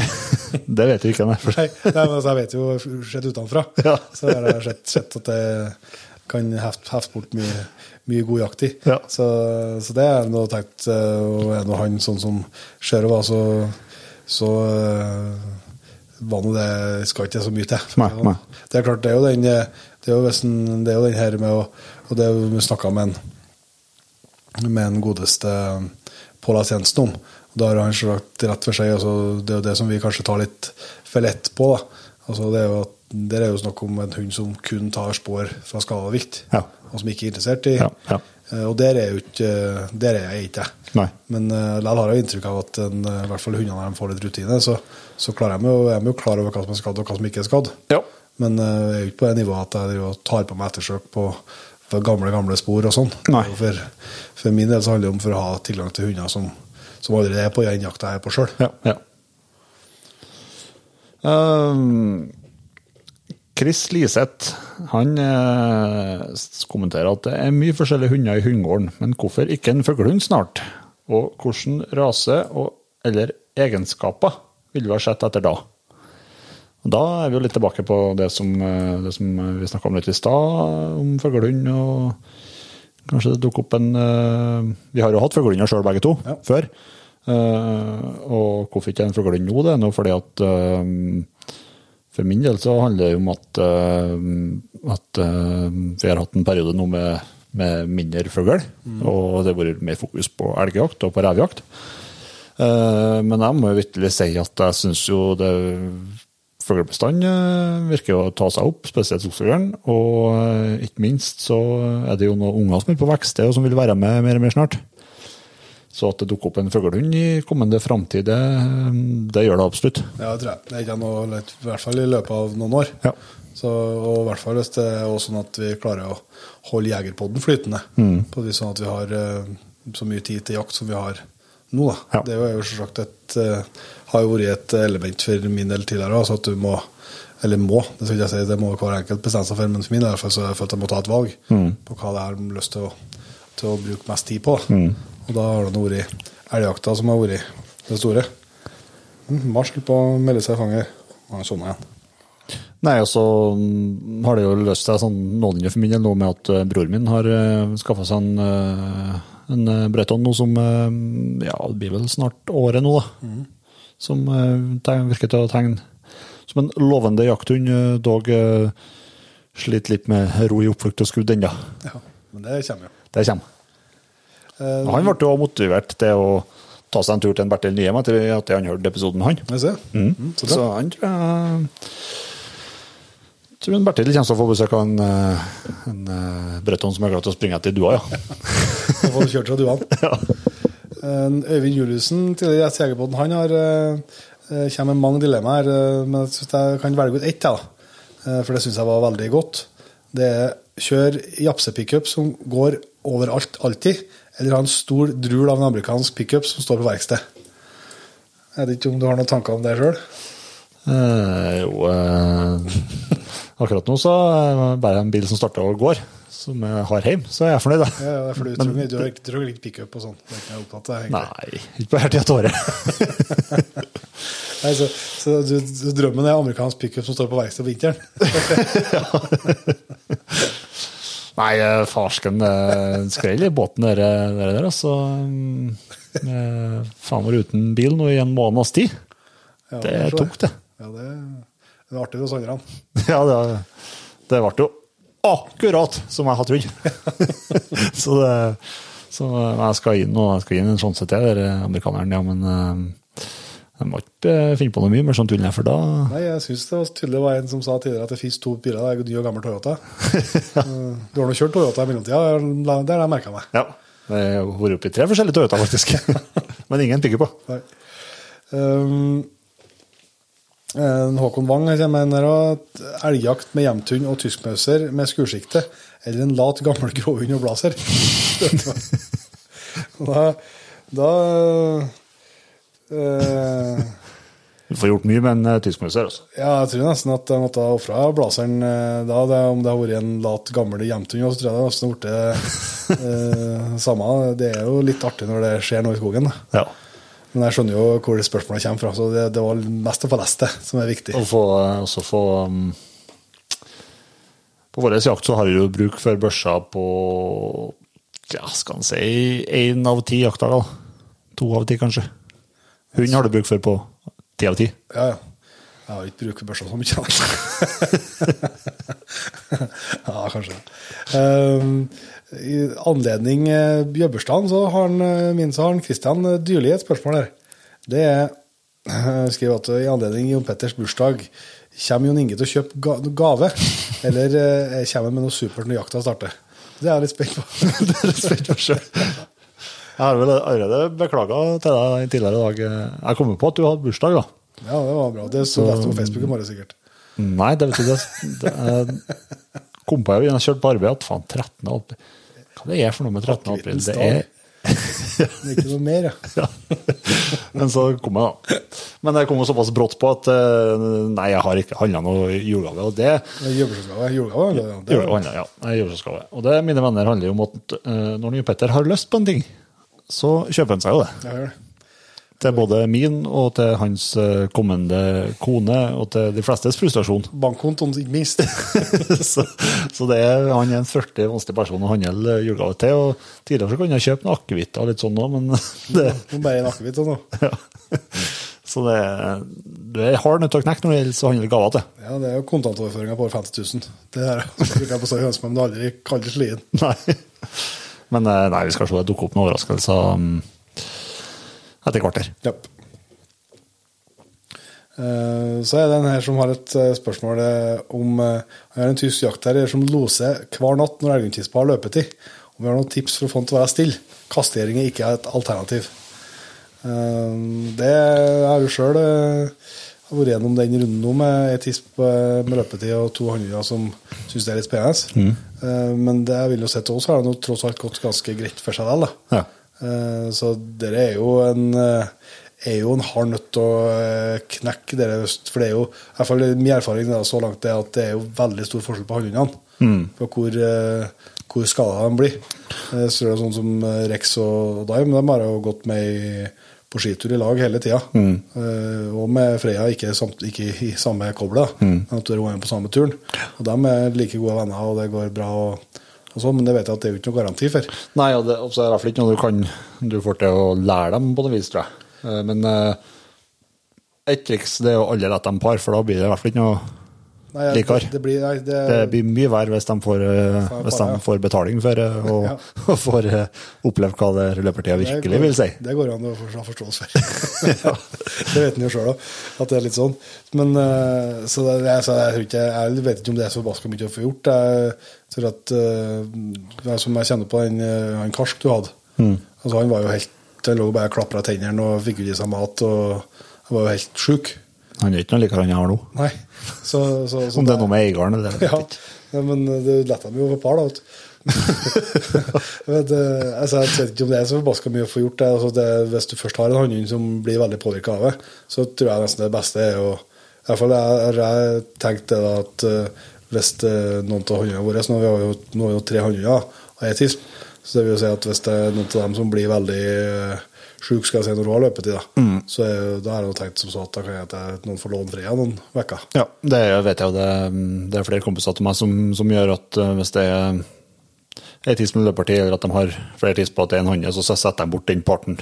Det er minst, da. skal jeg si. Ja, altså det, De setter bort den parten som er problemet på da. Eh, til, til en kompis eller til Ja. I verste fall i kennel, liksom, hvis det blir feil galt. ja. Så jeg tror det, det, jeg, ikke, altså, jeg tror ikke at det å gå og kjefte på dem eller sånn, det tror ikke jeg funker. Altså, for Nei, nei, nei, det er ikke noe- nei, det har ingen hensikt. Det, det er 100 instinkt som slår den, liksom. Ja, ja. Det er ikke så, så mye å få gjort med, kanskje. Fullt forståelig instinkt. Ja. Eh, Vår alles kjære venn eh, Belgen, Børge Homstad. Eh, Den her går jo til deg, Jon Petter. Hva er lettest? Å krysse ei elv på hjortejakt, Jon Petter, eller å få Magnus til å følge manus? Ja, jeg skjønner jo hva han eh, vil til, da. Det er jo fra hjortejakta med Joar. Jeg drev og klebba litt i elva. Men det var jo ikke Klebba litt i elva? Det var ikke selve elvkryssinga som gikk galt. det var jo eh, det er mest telefon til elva og løvkikkert. Så det er jo ikke noe vanskelig å Det er definitivt enklere å krysse elv enn å få Magnus til å følge Magnus. Ja, for det er umulig. Det går ikke. Så, så enkelt er det. Eh, litt intern kanskje, men eh, det går ikke. Linnea Sandbakk hun har et spørsmål her om det er noen jaktformer som vi ikke har prøvd ennå, og som vi ikke har tenkt oss å prøve. Eller om det er eventuelt jaktformer vi gjerne skulle ha vært mer, med mer på. Eh, Det er nå en eh, jaktform som vi ikke har prøvd, da, men som vi liksom ikke kanskje skrapa så mye overflata på. Det er noe villreinjakta. Ja. Det er noe, absolutt noe som eh, har vært artig, men det er jo litt sånn kinkig tidspunkt. Det er mye annet som skjer. Det er litt vanskelig å få prioritert det inne. Ja, Jeg håper at det byr seg en sjanse til før i skia. Ja, og det er jo at vi sjøl velger å prioritere bort det. Og, mm, eh, og vi har jo fått flere, flere invitasjoner til å komme til å være med på reinsjakt. Men hos i år nå, så reinsjakta starter jo er det 20. eller er det 21. 20. fort. kanskje. Og nå har vi da kjøpt oss uh, bjørnterreng som blir da de samme dagene, og så er det jo rett på elgjakt i Sverige i starten på september, så det er jo det at vi, vi prioriterer bort det, men, eh, men det er absolutt noe som står på, på to do-lista, ja. Og så eh, har jeg noen sånne utenlandsdrømmer da, som jeg ikke har prøvd. Også, er hva som er jaktform og hva som er forskjellig jakter. Men jeg har jo en sånn drøm om det her eh, duejakt i Argentina. Det henger med meg. Og likeens det her eh, å prøve seg på Grønland. Eh, Det mm, henger jo definitivt eh, opp der. Og selvsagt det her Canada-drømmen, da. Den er der eh, bestandig, både med elgjakt og bjørnejakt og, og det som eh, følger med der. Så det er jo eh, absolutt en, noe man kunne tenkt seg. Og så er det jo Puma- Pumajakt. ja, pumajakt. Eh, og jeg skjønner jo det. Det er jo noen som driver og skjøter geiteren og sauene, og de blir jo veldig hekta på det. Så det er jo sikkert et eller annet med det òg, bare at ikke jeg har prøvd det. Jeg tror det lureste er å ikke begynne med det. Ja, det virker I hvert fall best økonomisk. ja, det virker nesten sånn. Jeg skal jo absolutt til Afrika igjen. Så det, det er ikke Den lista her er, lista her er, lang. Og så er- men har jo det her vils, altså Vi har jo vært med og jakta med villsvin altså i Polen og litt, og litt i Sverige, og sånn, men, men eh, da har jo vi vært med som poster. Ja.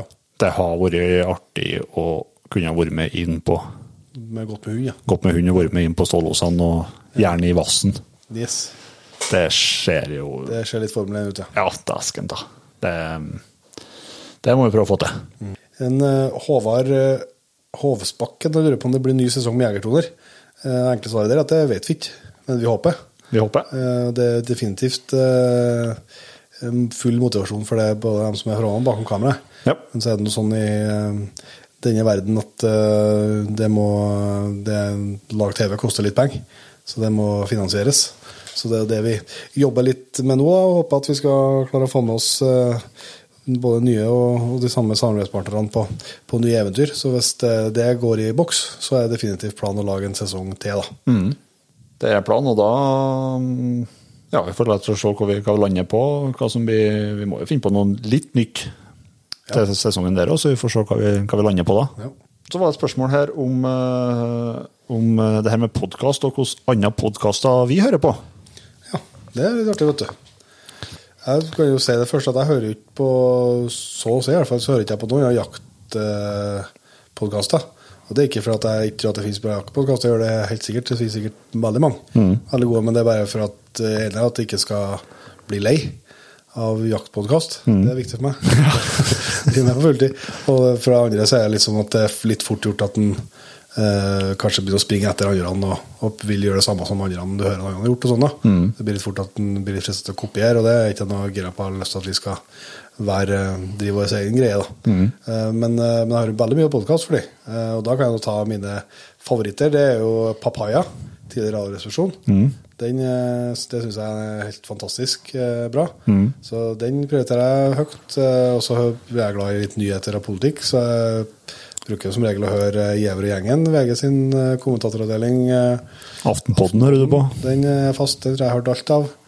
Eh, så hører jeg ofte eh, B-laget. Syns jeg er bra Ja. podkast. Det vet du er glad i òg. Henrettelsespodden hører du mye på. Henrettelsespodden det er absolutt en favoritt. Den, eh, den kan jeg nesten ikke få anbefalt på. Den synes jeg er en fantastisk podkast. Kjempebra konsept og veldig flinke folk. Um, hvem flere er det som er Tore og Haralds podkast uh, syns jeg ofte er ganske artig. Um, Misjonen syns jeg er artig. Um, Ja, altså, jeg har jo sikkert eh, veldig mange forskjellige på lista avhørt. Ja, stemmer. Synes jeg kjempe, de lager veldig mye bra. Det er en veldig flink gjeng. Um, så jeg er nå glad i litt sånn når det er sånn eh, som ikke er sånn faste podkaster, men som er litt som tar for seg eh, mye sånn kriminalsaker. Syns jeg er litt artig. Ja. Det er mye, mye gode, gode der med True Crime-poden og uh, uh, podkasten til VG. Der husker ikke jeg på hva heter i farten, men de har òg en sånn krimpodkast som jeg liker godt. da. Så jeg bruker veldig mye tid på podkast. Det gjør jeg. Og det gjør du, ja.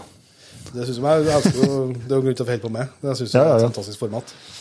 Det er i hvert fall en, en god del eh, tips eh, da, men, det hvis du, eh, men den uh, hendelsespodden, altså, den, eh, den syns jeg er litt artig. Ja.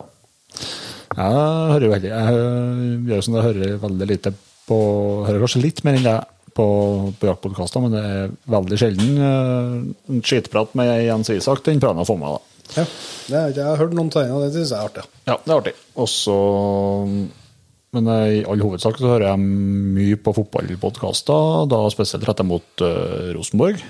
Mm, B-laget, som du nevnte, ja. Uh, Rotsekk. Rasmus og Saga. Ja, det, er, det jeg som regel. Ja. Mm. Og ja, jeg er helt vant til fotball, fotballtemaet da, da. Det er Men så hører jeg ganske mye musikk, da. Det er noen sexpodkaster, da, jeg, men det tør du ikke å fortelle om. Jeg. Jo, jeg kan godt Det er en som du introduserte meg for, men jeg, jeg har ikke abonnement på Hva heter det? Ja, den Høvla Øve. Høvla Øve, ja. Ja, det Marte Martha. Martha heter Ja, hun er frisk, vet du. Det er bra. Den er artig. Ja, artig. Og så Nei, eh, det hender seg innom hva hva heter G-punktet, er det? Ja. Den er litt innom. Det datt ut litt av, men det, det er jo litt spennende da. Den er, det er et godt tips da, hvis du kjører bil langt og begynner å bli trøkk. Ja. Da, det, da kan du dra på litt sånn litt mer sånn eh, Større sjanse for at du våkner til, ja. Ja, hvis du ser på noen litt sånn litt grove Yes. podkaster. Det er bra. Det er bra.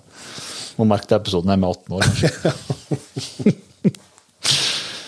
uh, skal vi se om Petter Gjermund Muråsen. Hva er det mest unormale viltet vi har ett i? Altså spist, som det heter på bokmål. da. Eh, ja Til meg må det fort eh, bli noe Afrika-greier, da. Som er kanskje sånn det vanskeligste å få til i Norge. Jeg føler Sjiraff, eksempel. det så fort sjir- sjiraffen, ja. Eh, men de spiste nå alle dyrene vi Eller smakte på alle dyrene vi felt der. Mm. Så, så det er nå kanskje det sånn i, i Norges Nei, det er sånn som i Norge, men så Grevling melder jo seg selvsagt. Kråk. Kråk. Eh, det er jo ikke så, ikke så spesielle dyr, det finnes så mye av dem, men det er litt Det er litt spesielt å ete, Ja, ja. i hvert fall grevlingen syns jeg var, var grop. Den anbefales å bruke til noe annet enn mat. Vil jeg si, da.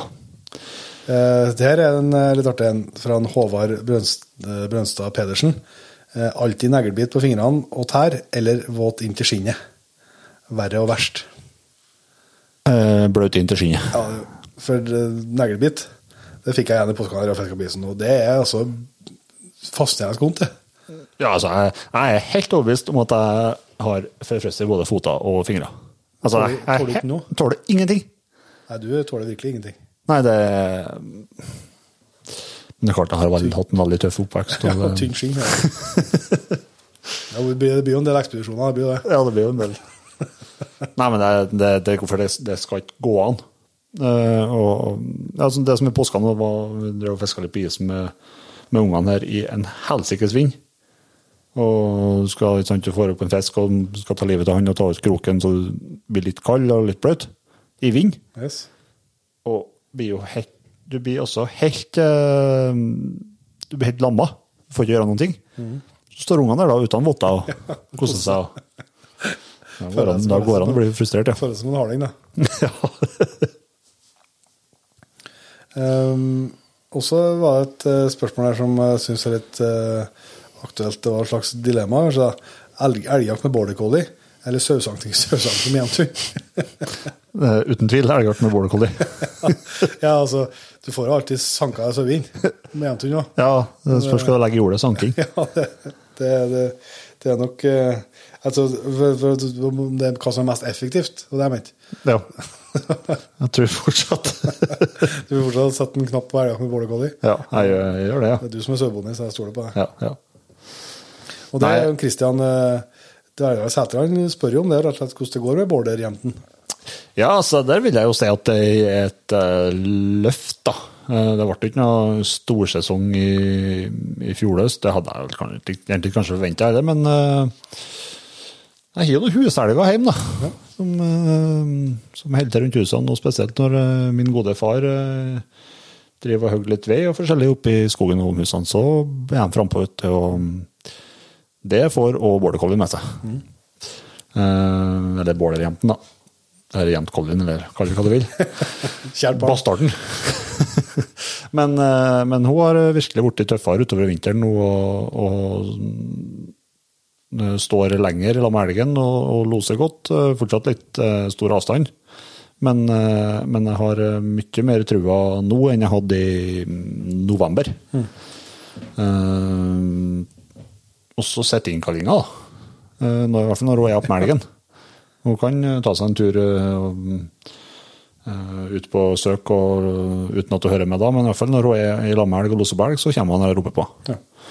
Um, så, um, så hun eh, blir spennende til høsten, ja. Det, men det, så er det altså at hun, at hun finner elg på egen hånd og, og loser på den uh, nå på vinteren, det, det er jo én ting. Men så er det å få henne ut i søk og hun skal finne, oh. finne elg sjøl. Det er det som blir, blir jobben i august og september. Da. Ja, og så er det men så er det at hun litt å ønske er jo ikke at hun skal være, en, være som Brutus heller. Nei, nei, Det er nei. for- Det rak, nesten rake motsetninga. Ja. Så det er jo ikke, det er hun må ikke bli sånn for at du skal Nei, nei, nei. Om hun, eh, om hun strekker seg ut på et søk på fire-fem minutter, så er jeg kjempe, kjempehappy med det. Ja. Så, eh, men det er jo fantastisk fysikk på hunden. Hun er jo lang i fotene og lett i kroppen. og Jeg vet ikke hvor mye hun veier, men eh, 17-18-19 kilo der omkring. Så, og så fantastisk fysikk og fart. da. Ja. Så um, hvis hun velger å bruke det på den måten jeg ønsker, så um, kan det bli artig. Ja. Nei, det er ikke siste ord ikke sagt i han om Bård-jenten. Uh, Gjermund Holt eh, han har et spørsmål der òg. alltid, eller et dilemma, alltid jakt med svigermor på slep, eller aldri jakt med jaktkompiser? Nå ble det stilt. uh, Svigermora mi hun er jo da 70 Uff, det ble eh,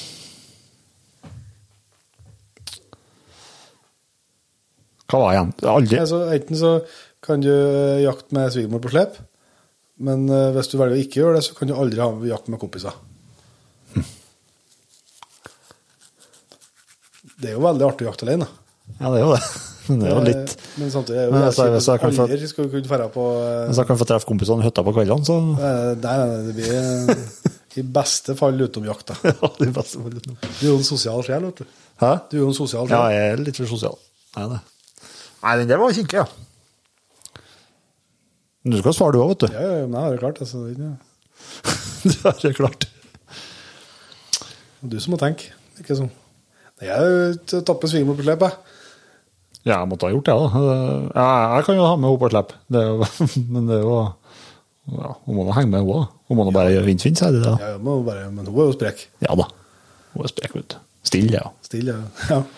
Ja, og så kan jeg hjelpe til og slakting og Ja, ja. Nei, jeg tror jeg slakta mer dyr med henne enn jeg slakta med deg. Ja, det vil jeg tro. Ja. Gårdsslakting, vet du. Gårdsslakting. Nei, ok, greit. Da får Sigrid være med. Yep, får lufta svigermor. Ja. Nei, men eh, da tror jeg vi, vi har ikke eh, på noe vis vunnet og svart på alle, men i hvert fall vunnet og svart på en god del.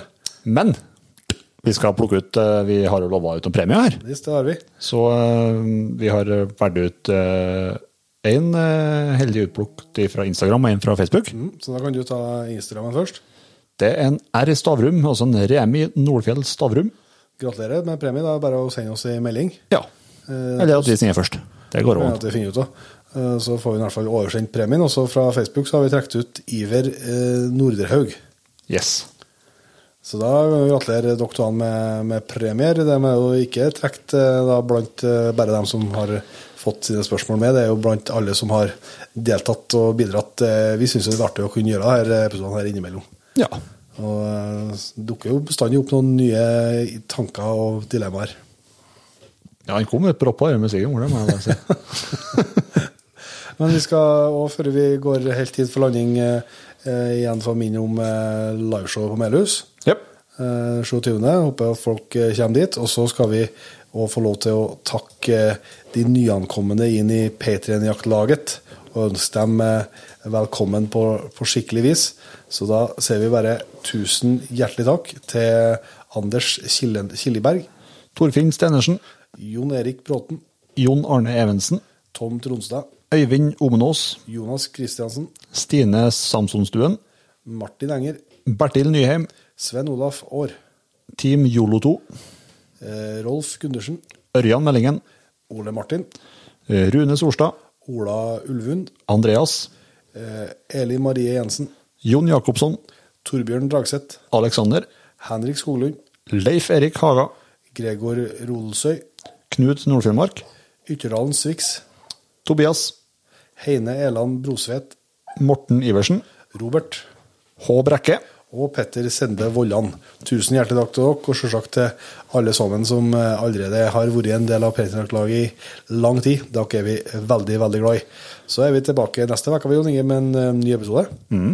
Og så eh, mellomtida så kan dere prøve å få med dere Jegertoner, som går på torsdagene 21.30 på Naturkanal 1. Yes. Og det sies vel noen repriser òg, sikkert. Det har jeg aldri sjekka at det gjør, så det, det ruller jevnt og trutt. Det er bra. Så da tror jeg vi ses og bruker Jon Inge til neste gang. Vi høres!